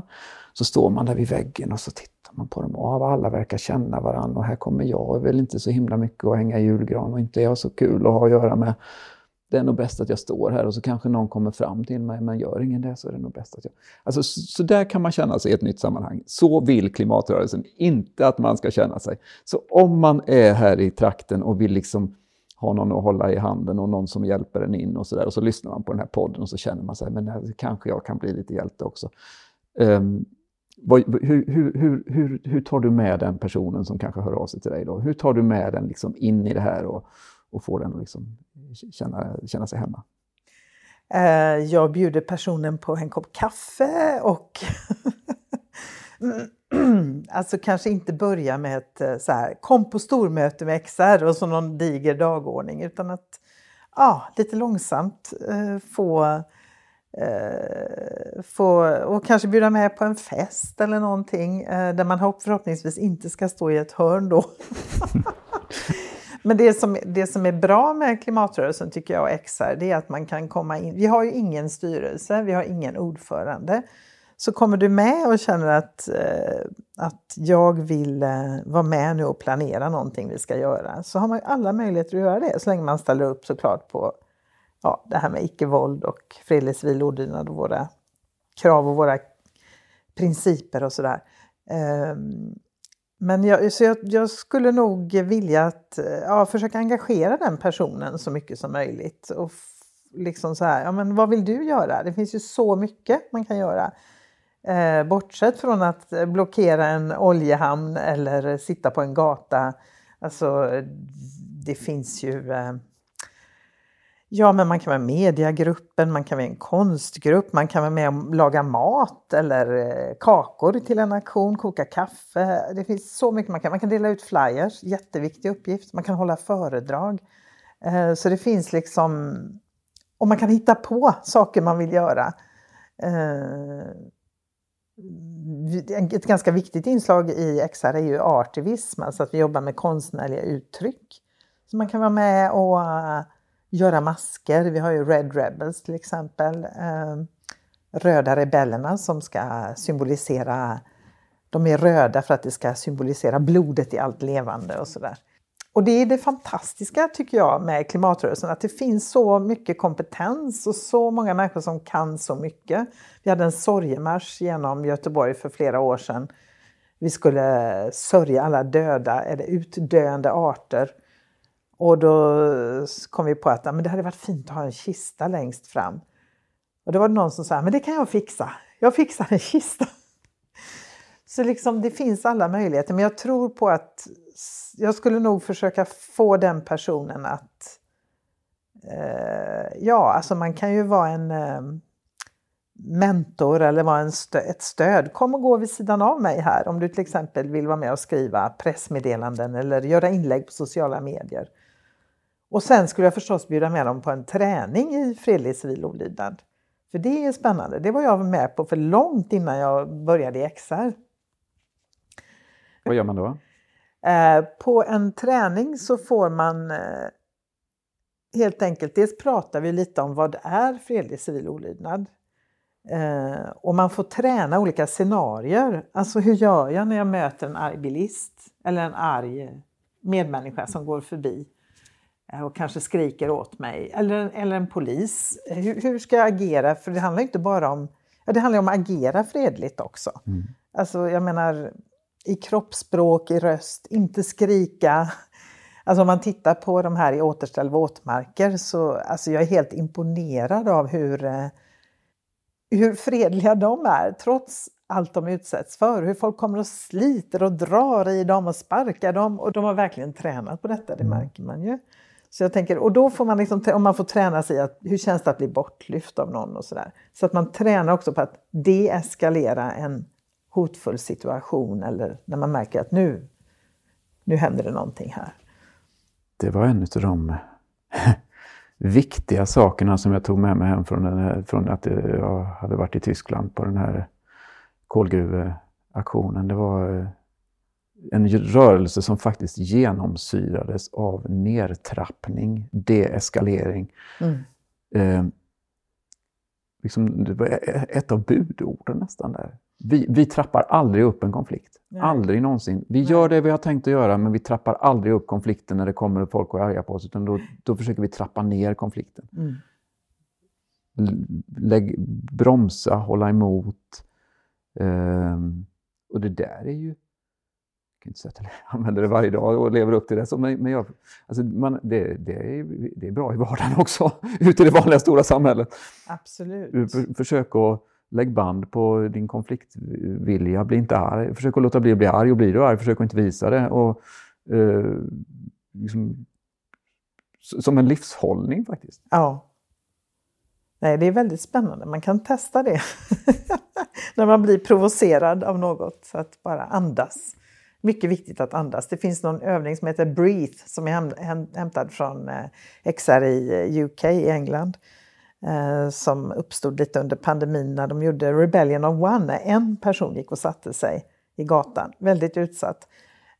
Men, och då, då handlade det väldigt mycket om det här, andas. Börja alltid med att andas. och inse att den andra är en människa precis som du. Med samma behov och, och ja, ofta samma önskningar och så. Eh, och att vi delar det här att vi är människor. Och försök inte heller att övertyga den andra utan lyssna. Om den här personen är arg, låt den få vara arg då. Låt den få säga att du, du sitter i vägen för mig här nu och eh, jag ska på en viktig jobbintervju och jag är väldigt arg på dig. Och bara ta emot och försök inte liksom... Och sen kan man komma till och fråga om det uppstår en sånt läge att är du intresserad av att veta varför jag sitter här? Och sen får man ju lyssna ordentligt på svaret ja. också. Så mm. det finns massa metoder. Sen är det alltid lättare att göra i teorin och när man övar än i praktiken. Det kräver mycket övning. Mm. Um, har du um, har du något av, har du något liksom, uh, vill du säga något mer? Ja, det finns så mycket jag vill säga. Nej, men jag tror det viktiga är att eh, jag tänker att alla kan spela en väldigt viktig roll i klimat, vad ska jag säga, i, i omställningen till ett annat samhälle. Eh, vi kan alla spela en roll där. Det är väl, jag hör ganska ofta, men det är kört. Det spelar ingen roll vad jag gör. Men det spelar faktiskt roll vad just vi gör just här och just nu. Och det, det tycker jag är hoppfullt. Det hade varit hemskt om det hade varit tvärtom. Eh, och, vi har, och alla som har möjlighet då att agera. För det är en sån kritik mot klimatrörelsen att vi är, ja, men det är vitt och det är medelklass och sådär. Och det är det förvisso. Men då tänker jag att det handlar om för att vi har möjlighet. Jag har möjlighet. Eh, nu har jag vuxna barn eh, och jag, jag har helt enkelt råd att engagera mig också. Jag behöver inte jobba dygnets alla timmar. Jag har inga jättehöga omkostnader. Ehm, så alla vi som kan, och det är ju fler än jag som kan, kan liksom engagera sig på olika sätt. Det viktiga är att vi agerar skulle jag vilja säga. Och, och så får man försöka fundera ut då vad ger mest effekt. Det kanske inte är att jag enbart sopsorterar och cyklar till jobbet och äter mindre kött utan jag tror nyckelordet är tillsammans. Vi måste göra det här tillsammans. Vi behöver varandra. Och det ser inte jag som något eh, hemskt, det ser jag som något bra, att vi inser det, att vi, vi behöver varandra. Fy sjutton vilket bra slut! nu, nu nöjer vi oss. Mm. Tack så hemskt mycket Kenneth för att du kom hit och ställde de här frågorna till mig. Ja, eh, det var väldigt roligt att få göra det och få låtsas att jag är journalist igen.